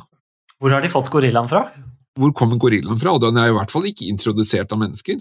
Nei, den er jo, det er urinnvåner, den her gorillaen. Det må jo være fra boka. Ja, jeg tror det, ja. Ja, og han herre, vår kjære Falk Ytter, har kanskje ikke helt zoologien i Det var kanskje ikke hans sterkeste side. Nei, men altså Hvis du er stranda på en øde øy, er det noe du mindre vil møte enn en svær, digger gorilla? ja. Jeg skjønner godt det at de tenker liksom at ja, folk har ikke, er ikke lest Altså, folk var jo ikke veldig beleste på den tida. Så at hvor dyr fantes og sånn, det var Nei, nei.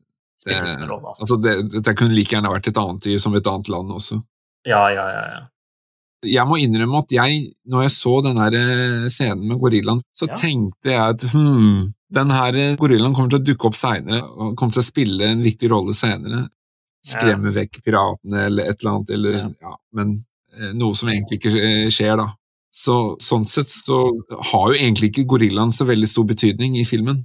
Nei, men vi vet jo hva den gorillaen skulle. Den skulle jo til Empire State Building senere. Men det som skjer nå, er jo essensielt for resten av historien. Fordi for... når han blir kvitt gorillaen, så begynner han jo å lage eh, Han begynner å lage fallgruver og Han går jo helt home alone, han der eh, Ja, jeg tenkte akkurat det samme. At dette her er jo hjemme alene. Ja, og han eh, Det er jo de fellene, vet du, akkurat Han er jo kreativ, da. Ja, Men det som er litt morsomt, er jo at vet du når Hjemme alene kom ut? Kom vel ut samme året, nesten. Ja, Den kom ut 1990, den også. Ja, Men den kom ut en måned etterpå, eller to. ja så, så, så hva kan vi konkludere med det? Ja, ingenting eh, Vi kan konkludere At, at Home Alone har eh, stjålet fra Håkon Håkonsen? Nei, det tviler jeg på. Jeg tror ikke den ble laget på liksom en måned etterkant. Eh, Det er veldig påfallende at, eh, at det, er, det er jo like elementer, da. Ja, og det jeg tenker at vi kan lære av det, er at dette var veldig i tiden. Ja. At det var litt som barn fikk en større rolle, overlevelsesinstinkt. Man blandet barn inn i voksenroller og sånn. Ja. Barn er som litt- voksne. Ja, smartere enn voksne, egentlig. Barn er som voksne, og voksne er som barn. Og at de er rett og slett smarte, disse barna. Det er kanskje ikke så mye i den filmen her at de voksne er veldig dumme, Nei. Men i Home Alone så er det veldig sånn at rollen er snudd. Ja da. Så er det liksom disse to tyvene som er så dumme at det nesten ikke går an. Ja, nei, det går ikke an.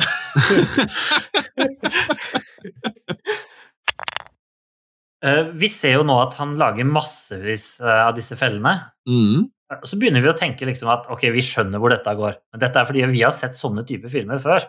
Når jeg var syv-åtte år gammel, så var dette derimot veldig spennende. Det virka, For meg, så, så vidt jeg husker, var dette her sånn at og nå gjør han alt han kan for å overleve, liksom. Og det er jo litt sånn der, Man bygger ikke feller som ikke blir brukt.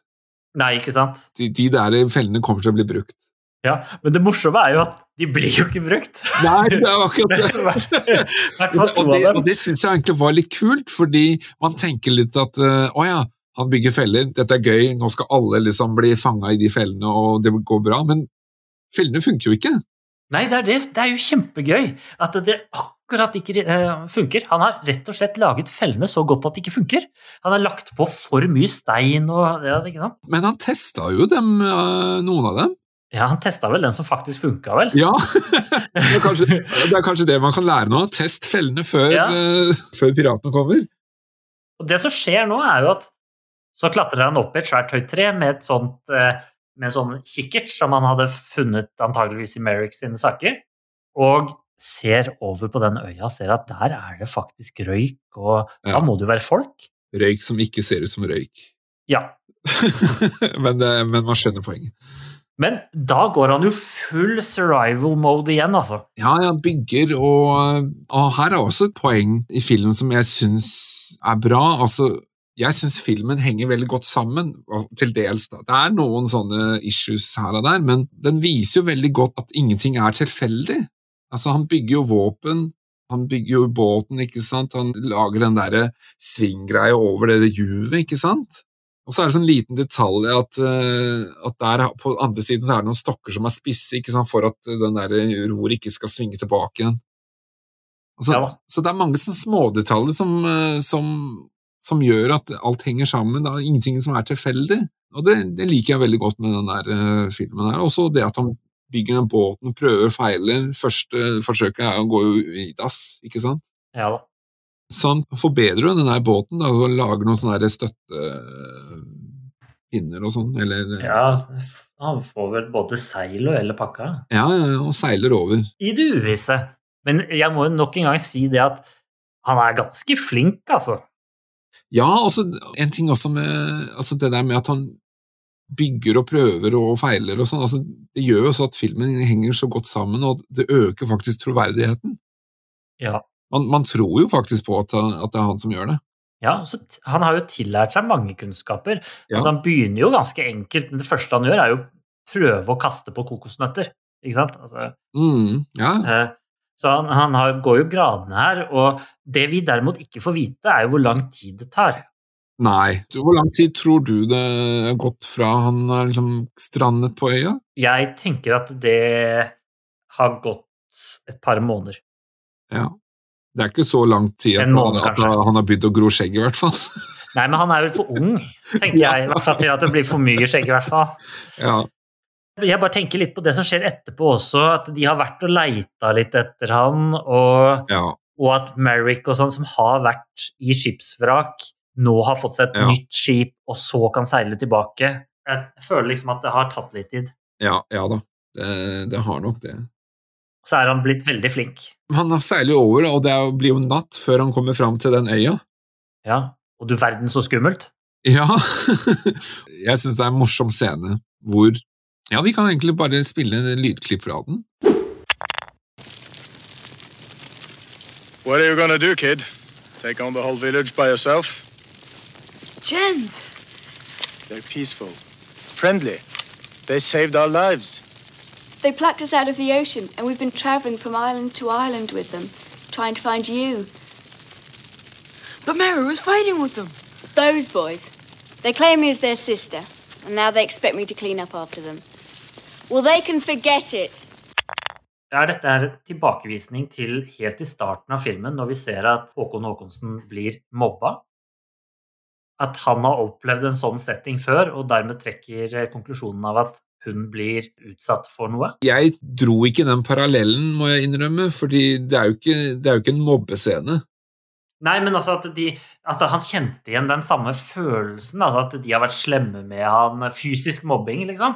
Altså de har slått han og dytta han i bakken og sånt. Ja, ja, Nå ser han at det samme skjer med henne og tenker at oi, kanskje hun eh, blir utsatt for noe fælt her. Det er jo godt sett, for nå er jo rollen snudd, sånn sett. Så nå er det jo han som tar ansvar og forsvarer henne. Ja. Og han tror jo at de skal overfalle henne og spise henne, kanskje. Hva, hva, hva, hva vet jeg? Ja, ikke sant. Altså, du ser ikke bort ifra det. Dette her eh, man ser jo at dette er eh, innfødte, og som driver med noe som er langt ifra det han er vant med. ikke sant? Sånn Ja. eh, bygdetulling oppe fra Norge, ikke sant. Så, Men, Det- men, men det er jo litt, sånn pussig, fordi ok, dette her er 1860-tallet. Hva visste man om eh, stillehavsøyer den gangen? Trodde man at det var kannibaler? nei. Eller visste man egentlig ingenting? Nei, man, man kjente jo til Stillehavsøyene mm, på 1860-tallet. Vi tenker jo den tanken at eh, å ja, kanskje det er kannibaler, men hvordan, hvordan kommer han til den konklusjonen? Altså, det er jo bare litt krangling. Han tenker at her er det et problem fordi han ikke er belest i det hele tatt. Mens de som var beleste på den tiden, visste, kjente jo disse, tenker jeg. Men jeg syns egentlig den scenen er litt svak. Ja, Fordi nå, Idet han svinger inn og skal redde henne, Ja. altså måten hun reagerer på, er veldig snodig. Det er, det er litt sånn derre Oi, er du her? Som om han har vært borte i fem minutter, liksom. Jeg syns ikke den, hennes reaksjon virker veldig troverdig, da. Ja. Men det altså kan være sjokk, da. Ja, men det, det er liksom bare måten det, det, Hun virker Fordi- bare så casual, liksom. Sånn Å ja, Ja, da, du her, jeg, jeg liksom? skjønner jo det. Men altså, hun sier jo det at de har reist sammen med disse innfødte fra øy til øy for å prøve å finne han. Og det kan jo være at hun nå er bare sånn Wow, du er her. Altså, da, men det er klart, de fleste vil jo agere på en helt annen måte og med mye mer følelse. Dette er jo faren med barneskuespillere. Ja, det, jeg, jeg vet jeg pirker. Men Ja. det som jeg tenkte på altså Hun sier jo at de har seilt fra øy til øy og ikke funnet han. Mm. Han oppdager jo denne øya som tydeligvis er den nærmeste. Ja. De kan jo ikke ha lett veldig godt, da. De kan ha lett på andre siden. Ja, men det er jo Ja, Men sett at det er 70 øyer, sant? men det er jo likevel en av de nærmeste øyene. Ja, man skulle jo kanskje tro det. Altså, jeg tenker jo at eh, de innfødte, som hun sier at hjalp dem å seile liksom fra øy til øy, den øya der ville jo kanskje vært en av de de ville ha seilt til. Ja. Med mindre dette her er en midlertidig bosetning, at de egentlig holder til på en annen øy, og at de har seilt øy til øy, og at dette var siste øya de har kommet til. Ja, men det, det, fordi Jens sier jo at ja, men han hadde nesten gitt opp. Ja da. Så, så Ja, det det virker som at de nesten har slutta å seile. Ja, ja sant det. Men hun hadde jo ikke gitt opp håpet, da, selvfølgelig, fordi hun er jo tydeligvis glad i han. Ja Altså, det her er òg et problem med den historien. Altså, Hvor lenge har de kjent til hverandre? Eh, Fem dager? Nei. Noe sånt. Ja, det, er, det er ikke mye mer enn det, altså. Det er kanskje enda mindre. Ja. ja. Nei, ikke sant. Ja, men altså, det, akkurat det tenker jeg ikke er det, det største problemet med filmen. Mener, mener du ikke det? Nei, altså, jeg tenker altså, folk Man blir jo betatt av folk. Ja da. I ungdommen, vet du, Lars, så var det var, da var det jo enda mer da. Kunne jo hende at hun var desperat. Ja, Den ene dagen så følte du masse, den andre dagen følte du ingenting, den tredje dagen så følte du masse igjen. ikke sant? Ja, ja, ja. ja da. Jo, men altså, de, blir jo kjent, og de har det hyggelig sammen. Og så plutselig så forsvinner han. Så det, det er jo klart at hun savner han. Ja, Han har jo også redda livet hennes. Nå, ja. Eller Nei, når skipet gikk ned. Ja, jeg stemmer det. For han fikk jo henne ut av det buret, ja. Ja, og, og hvis hun da strander sammen med broren, så føler hun, hun sikkert at hun står litt i gjeld til han også.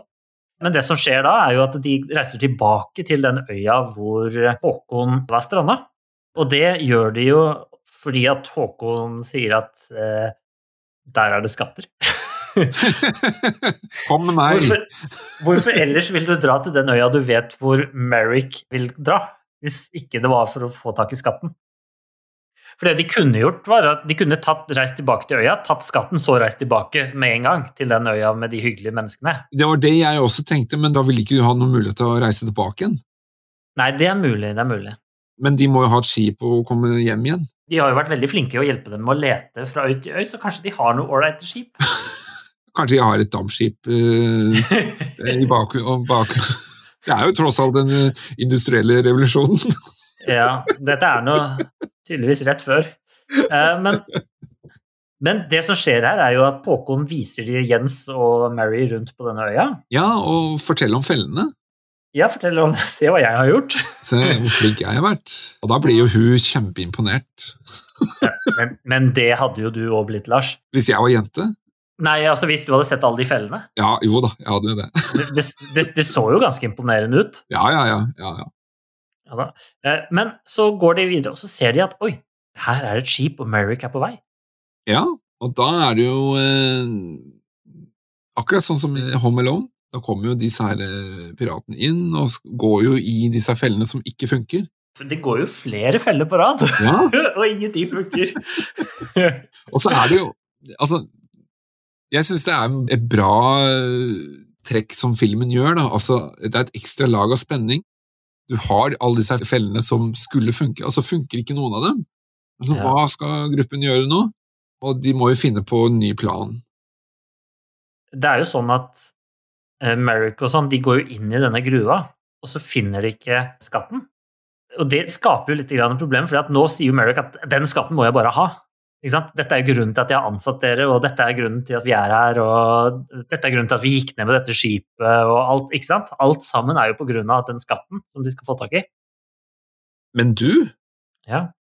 eh, nå kom jeg på en ting. Så de seiler på et skip til Calcutta eller et eller annet sted. Ja. Skipet går ned. Ja. Midt ute på havet, og Merrick går jo også ned. Overlever da, tydeligvis. ja. Men Ja, for de tok, jo, de tok jo denne livbåten som noen av disse Berg og Steine var jo med i denne livbåten. Berg og steinene? Ja, Berg og Steine, det var jo to av disse mannskapene på det skipet. Ja, ja. Det het Berg og Steine. Men det betyr jo at de må ha klart å komme seg til et eller annet fastland, eller en, en større øy et eller annet sted, Ja, og, og, og, og funnet et nytt skip, og så seilt tilbake igjen. Kan det være at det her har skjedd så fort etter Australia, at de har hatt Australia i nærheten? Ja, altså De må jo uansett ha klart å komme seg til en eller annen havn. da. Ja. Enten skaffet seg eller lurt til seg et nytt skip. Det er jo ikke noe som er gjort over natta, liksom, så det må ha gått eh, en, en stund, da. Ja. Og siden Berg og Steine er med, så må jo de ha vært holdt som fanger Mm. denne tiden. Ja, Dette er et poeng, altså. ja, som du sier, det må i hvert fall ha gått noen måneder. Det kan Ja, litt lengre tid, tid også. Det kan godt være. altså. Nå er det han, jo- Merrick er jo sikkert en kløpe på å skaffe seg et skip, da, og lurer til seg det. Det har vi funnet ut av hvordan han har gjort. Det har vi Men det, det er faktisk ikke noe jeg har tenkt på før nå, for jeg har liksom tenkt ja, det er det samme skipet, men det er jo ikke det. Nei da, nei da. Det, er er, jo et helt nytt skip. Men det er et mindre skip. Ja. Men det er ikke et lite skip, det er et ganske stort seilskip likevel. ja. Nå så skjer det jo en hel del ting. Altså nå, det som skjer nå videre ut filmen, er egentlig jaktscener. Hvor først eh, Håkon eh, og, og Jens og Mary skal befri disse to, stein Steine og Berg. Håkon sier at han har en plan. Og, og det er jo å snike seg om bord det skipet, og, og han tenker jo at han sjøl skal gjøre det. Men så sier jo Mary at eh, ja, men det er mer naturlig at hun gjør det, for hun Nei, jeg lurer på om det er motsatt. Jeg mener det at eh, Håkon kjenner til fellene Ja, som gjør at han burde være igjen på øya. Men Jens og Håkon de er bare igjen på øya, så tar Mary og sniker seg om bord på dette skipet, fordi der er det jo ingen.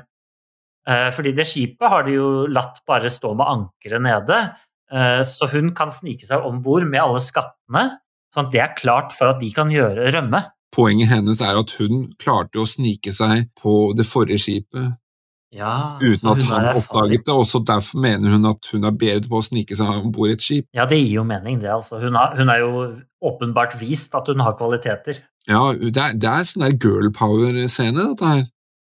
Hvor eh, Ja, men det er hvor hun virkelig skal eh, vise hva hun kan. Så drar hun fram den skjære gunneren fra Som er enda større. Så ja da, hun kan få sagt det. Ja, Men det som skjer, er i hvert fall at uh, Jens og han uh, Håkon klarer å befri Berg og Steine. Og så må de løpe og løpe og løpe unna eh, Merrick og Kara. Ja. Planen er at hun skal på, få skatten på skipet. Ja, det har hun nok gjort allerede om natta der. Ja, og så skal hun være på det skipet, og så skal de signalisere henne. Ja, når de kommer. Ja. Men Sånn hun- det her er liksom lurer på en ting. Ja. Hvordan vet de at de gamle mannskapene fortsatt er i live på skipet? Fordi hun skal jo snike seg om bord, og så skal hun jo Befri dem fra Ja, men altså, hun har jo skatten med seg, så hun, jeg regner jo ikke med at hun klarer å bære den alene opp på skipet. Så hun må jo ha hjelp av det gamle mannskapet, men de vet jo ikke om de er fortsatt er i live. Men jeg mener å huske at hun dro opp det alene på skipet. Jeg tror ikke man ser det. Fordi hun, hun sniker seg om bord på skipet, og så går hun ned under dekket, og så befrier de gamle. Å ja, og så sier de at det er bare to vakter igjen. Men hva hvis det ikke var noen der? Ja, men da måtte hun jo klare å gjøre det selv, ja. Ja, og Men det, bit for bit. ja, det er jo ganske tungt, da.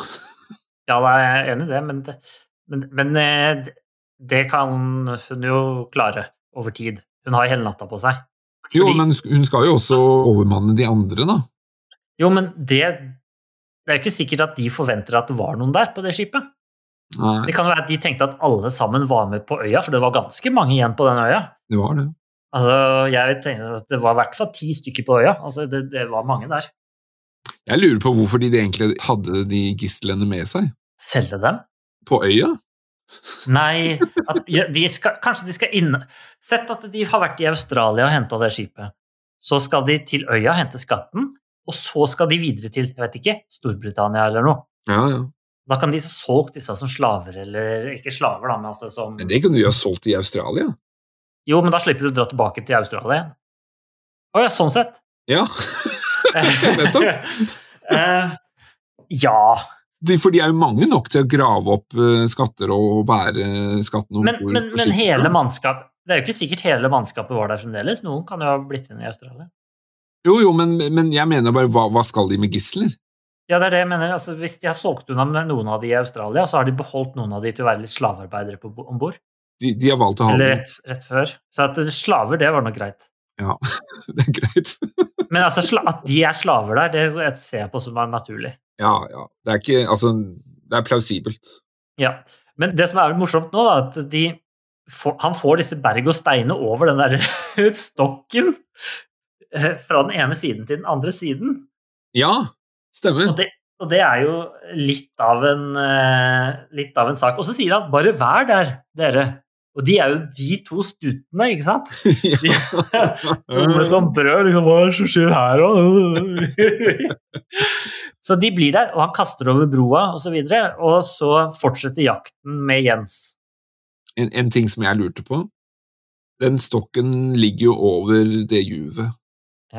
Hvordan har han klart å få den stokken over? Det er høydeforskjell. Han har vel bare skyvd den fra den øverste stedet og ned, og så har den tilfeldigvis truffet. Det er unaturlig, jeg skjønner det, men Men- Men det, det, det skal godt gjøres å gjøre det aleine. kan treet ha blåst ned? Nei, men han har jo vært på det juvet før. Og da var det ingenting der? Det er jo ikke noe vei over, så han, han har jo laga den derre broen, hvis man kan kalle det det, da. Ja, det er sant, det, altså. Nei, jeg vet ikke. Men eh, det er vanskelig å vite. Ja. Men de blir i hvert fall jaga.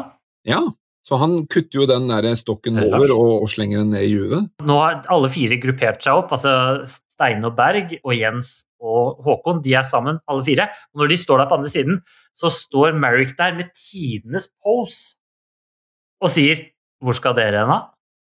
Ikke sant? Ja, stemmer. Så det eneste de må få til, er å få Merrick til å gå framover.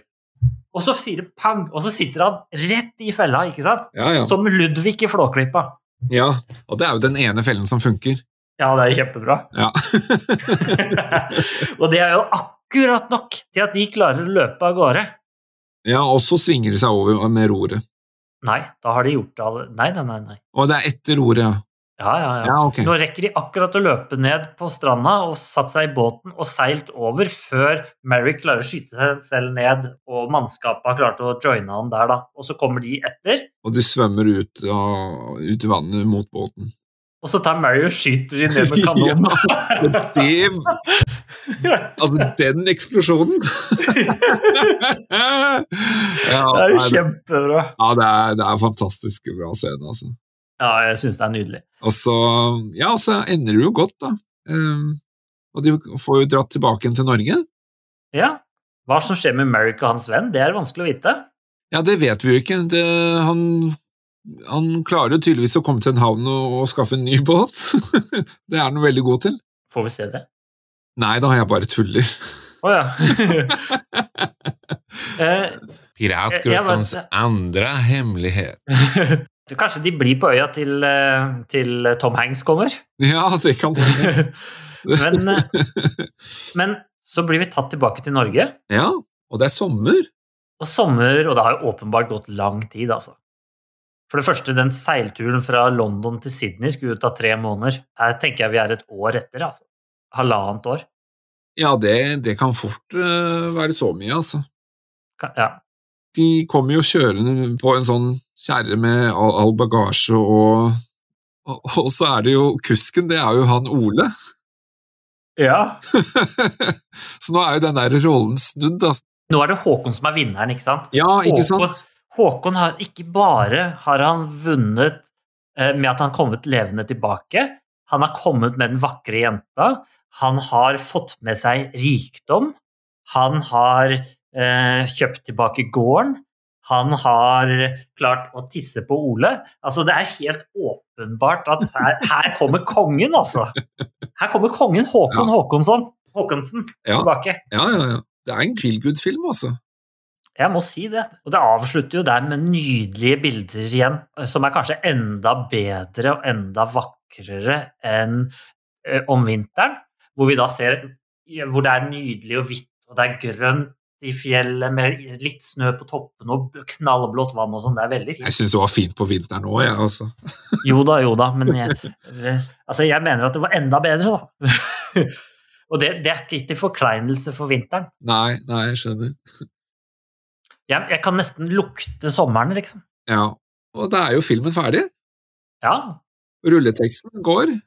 Ja, og da, der, hvis du ikke visst, skjønte det, så står det helt oppe i toppen av rulleteksten, eller er det i bånn, hvor denne filmen er filmet hen. Ja, den står eh, Den er filmet i Norge og Fiji, Spania og London, England. De har brukt pengene på å reise. 60 millioner. Det er god ferie. Ja. Har du noen siste tanker om uh, filmen som helhet? Uh, ja, altså jeg har jo Jeg tenker jo at dette her er en film som er eh, altså det, For meg så er det en barnefilm. Og barnefilmer så tar man litt snarveier eh, når man lager. Eh, og som barn så er, var man oppslukt i denne filmen. Og som voksen er den litt tammere, da. Skal jeg si det sånn. Jeg syns jo at den har mye sånn detaljer for å være en barnefilm. Ja. Som jeg snakket litt i stad, at den henger veldig godt sammen. Ting er ganske relativt logisk, da. At de, tar seg tid til å, å, å vise detaljer som gjør at den henger litt sammen. Som egentlig kanskje ikke har vært nødvendig som en, eh, som en barnefilm. Men det er jo litt vitser her som eh, man ikke tar når man er små. Ja, Så det, det er- litt for alle aldre inni her, da. for eksempel han derre som har tatovert alle navnene på brystkassa i Sydney. Ja, Altså- Sånn som i disse prostituerte damene som du ser i London, da, som Jens åpenbart kjente, og som han hadde et godt øye til. da. Som han sa liksom Ikke nå, men kanskje det skjedde noe etterpå som vi ikke så, ikke sant. Eh, Det, det, det var åpenbart at det, her var det her var det ting som vi kjenner igjen fra liksom faktiske historier fra dette her, med damer i hver havn og alt mulig rart. Den har noen voksenelementer, men den gjør det på, på, en måte, på en grei måte som ikke blir, går over hodene på unger. Ja, riktig. Men det var en ting som jeg eh, tenkte på når jeg ser denne filmen, fordi handlingen er jo lagt til 1859 eller 60-tallet, Ja. men så har den også trukket inn elementer med pirater og sånn. ja. Og hvis man tenker på sånn, den klassiske perioden for pirater og sånn, så var det egentlig fra 1650 til 1750. Men det kan jo være at frykten hang igjen lite grann. Og jeg sier jo ikke det at det ikke fantes pirater, eh, det har det jo alltid gjort. Ja, det finnes jo enda. Ja da, men den måten som filmen presenterer piratene på, altså liksom den der litt sånn europeiske typen. Lapp over øyet og flintpistol, liksom. Trebein. Eh, fordi ettersom som tiden går, så begynner jo altså teknologien å utvikle seg. Det er jo den eh, industrielle revolusjonen, og man blir jo flinkere til å forsvare disse handelsrutene og sånn, og det er flere sånn samarbeid mellom landene og sånn. Så den derre pirataktiviteten, den forsvinner jo litt.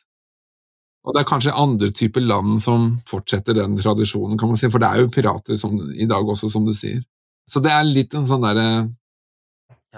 Og det, kanskje det beste med filmen i mitt hode, er bildeutsnittene. Ja. Jeg synes de gang på gang gjennom denne filmen er veldig gode. Jeg, jeg synes de er bedre enn filmen, da. Sånn. Mm, og musikken er jo også uh, Jeg synes musikken er jo ganske bra altså, til filmen. Den sitter veldig godt i, uh, i hodet, på en måte. Den, den, den, fenger. Mener du at musikken er det beste med filmen? Den understreker jo filmen. Ok, så, så hva er det beste med filmen, eh, tenker du? beste med filmen syns jeg er eh, det derre eventyret, altså hvor, hvor, man har det derre kontrastene, altså hvor man starter liksom uh, hjemme i Norge, liksom det er kaldt og kalde Norge, og så ender man jo liksom opp i det der eksotiske øy, øyene i Stillehavet. Også det at man, man har disse vanskelige kårene i Norge, og så finner han jo lykke og gull og glitter på øya. Altså, du har liksom disse her kontrastene og den det der eventyret da, til, som Håkon uh, drar på. Det er, det er liksom den reisen som jeg syns er det beste med filmen. Det er jo en sånn Espen Askeladd-opplevelse, nesten. Dette. Ja, jeg tenkte litt også på akkurat det der med altså, for, altså tematikken i filmen altså, Vi, vi sa, sa jo litt det i starten også, at dette her er jo basert på en Robinson Crusoe. Det er jo også litt sånn jakten på sjørøverskatten. Ja. Med pirater og skal finne en skatt på en øy og sånn. Og det er jo den der ultimate historien om lykke og suksess. Absolutt. Og på veien så venter jo liksom farer og hindringer som man må overvinne. Altså, det er, det er så klassisk. Ja, det er en veldig klassisk fortelling. Eh, men jeg tenkte også det at når vi starter, så er det, sa du det, det er kaldt og fælt, og liksom det, alle er fattige og trist og sånn. Og så på slutten så er det liksom Da er det fint vær hele tiden og sommer og sånn, mens når skipet går ned, da er det også dårlig vær og sånn. Så selv været er med oss liksom for å, for å fortelle sinnsstemningen, da. Hvis vi skal prøve å være litt mer sånn, hva skal vi si, litt mer sånn kunstfilmaktig tenkende, eh, så forteller jo liksom eh, følelsene skal være med å skape en følelse i oss. Altså at Bildene skal skape en følelse i oss om hvordan tiden og progresjonen i filmen er. Ja, ja. Jeg tenkte jo også litt på disse klassiske eventyrene som du også nevnte litt. altså eh, Espen Askeland, men altså, du har jo Soria Moria, som også er et eventyr. Altså det der med gutten som vinner prinsessen og halve kongeriket. Ja, for det er jo det han gjør. Ja. Han, han vinner jo sitt eget kongerike. Ikke sant? Altså, som er en del av Norge. Og så, og så finner hun jo prinsessen også, i gåsehudet. Ja, jeg vil jo si at han selv virkelig finner sin prinsesse, og så får han jo kongeriket som han selv var konge over. Altså han var prinsen til å få. Eh, og nå får han det faktisk. Det er ikke bare halve kongeriket, det er faktisk hele. Ja, egentlig. så det, det er det perfekte eventyr, og passer utmerket i neste seksjon av denne podkasten. Ja, det er også litt Per Gynt i dette her. Ja. Eh, altså Per Gynt er litt mer kompleks historie, og det er, det er en karakter med, med, flere lag, men du har jo mange av de samme elementene, selv om den slutter litt annerledes. Ja. Så, så, så det, er, det, er, de samme temaene som dukker opp i andre teaterstykker og filmer og ja, TV-serier og, og så videre.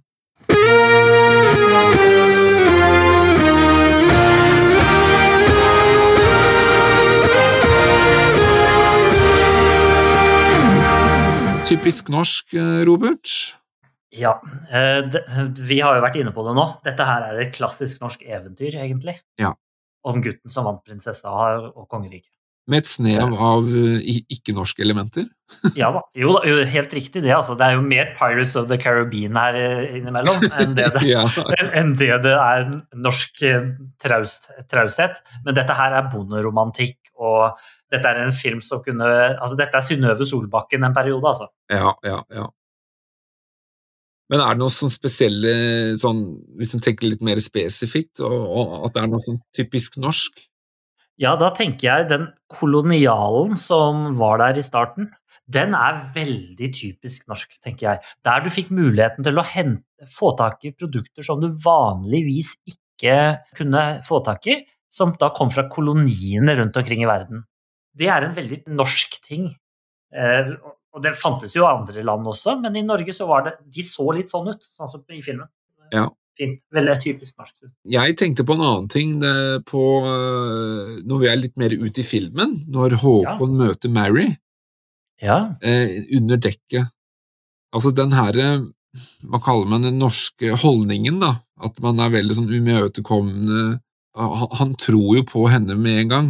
ja naiv naiviteten her. Naiv er kanskje litt sånn negativ lada ord, men Man kaller jo litt Kaller man det ikke for sånn blåøyd, liksom? Altså, jo, man- kanskje det. Eh, sånn, Men jeg tenker liksom mer på som- et, et, som, som en positiv ting, da. ja da. Jo da, jeg At, skjønner at, hun, at han tror på henne, at han er hjelpsom, og at folk vil en godt. Vil du anbefale denne filmen til noen, eh, Lars?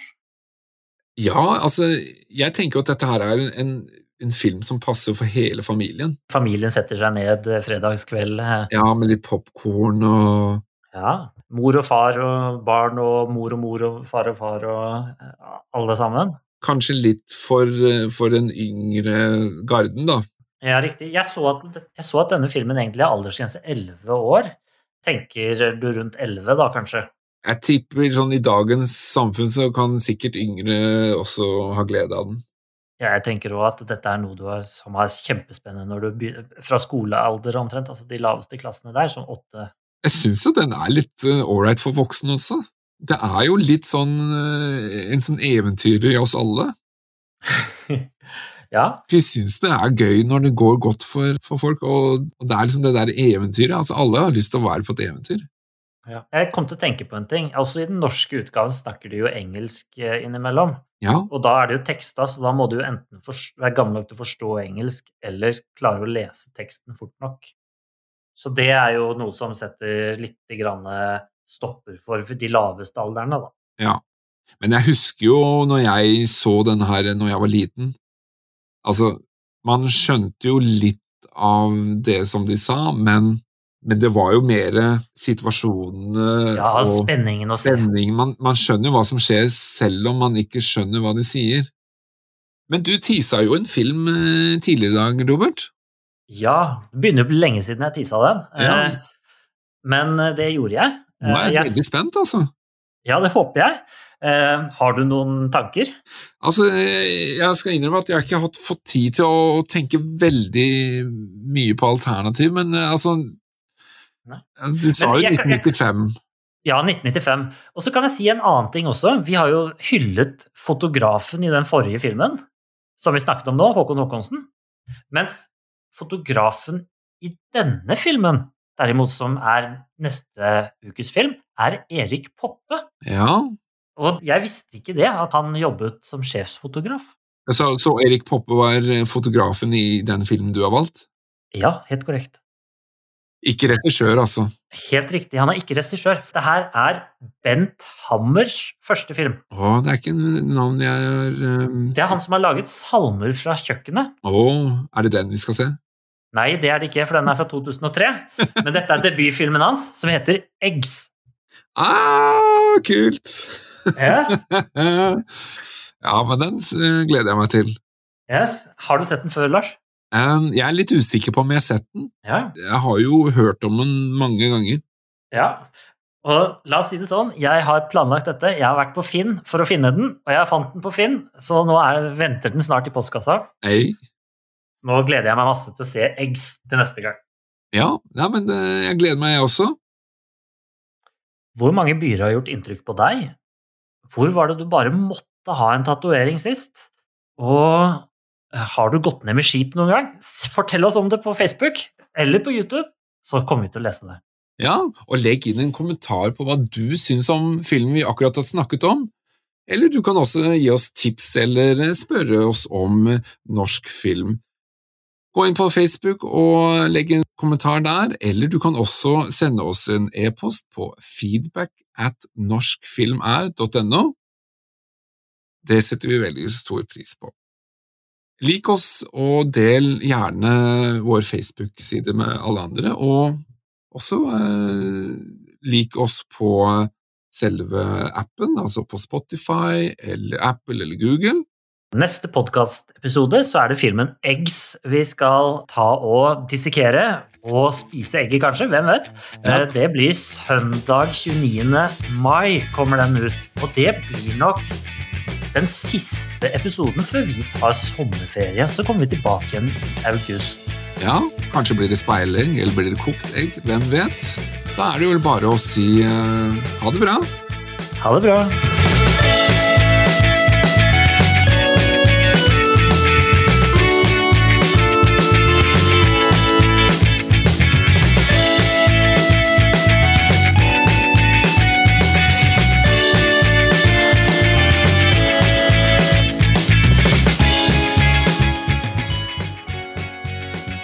Vi har fått eh, post av vår eh, vårt, vårt eh, Jeg holdt på å si Det er alltid jeg som driver og plundrer, nå er det du. Ja, jeg er litt sliten i dag. Ja, ja, jeg skjønner. Nei, men Eh, ok. altså Eller, eller så kan vi jo Vi kan jo tippe Conflict Island, kanskje. Å, hva er det for noe? Den, den heter jo den heter Conflict, Conflict Island, eller Islands, og det er annet masse sånne stillehavsøyer som ser helt fantastiske ut. Oh, ja, ja. eh, men som har fått navnet etter amerikanske og franske problemer. disse, disse, disse prostituerte damene der, eh, som Lars da åpner Lars.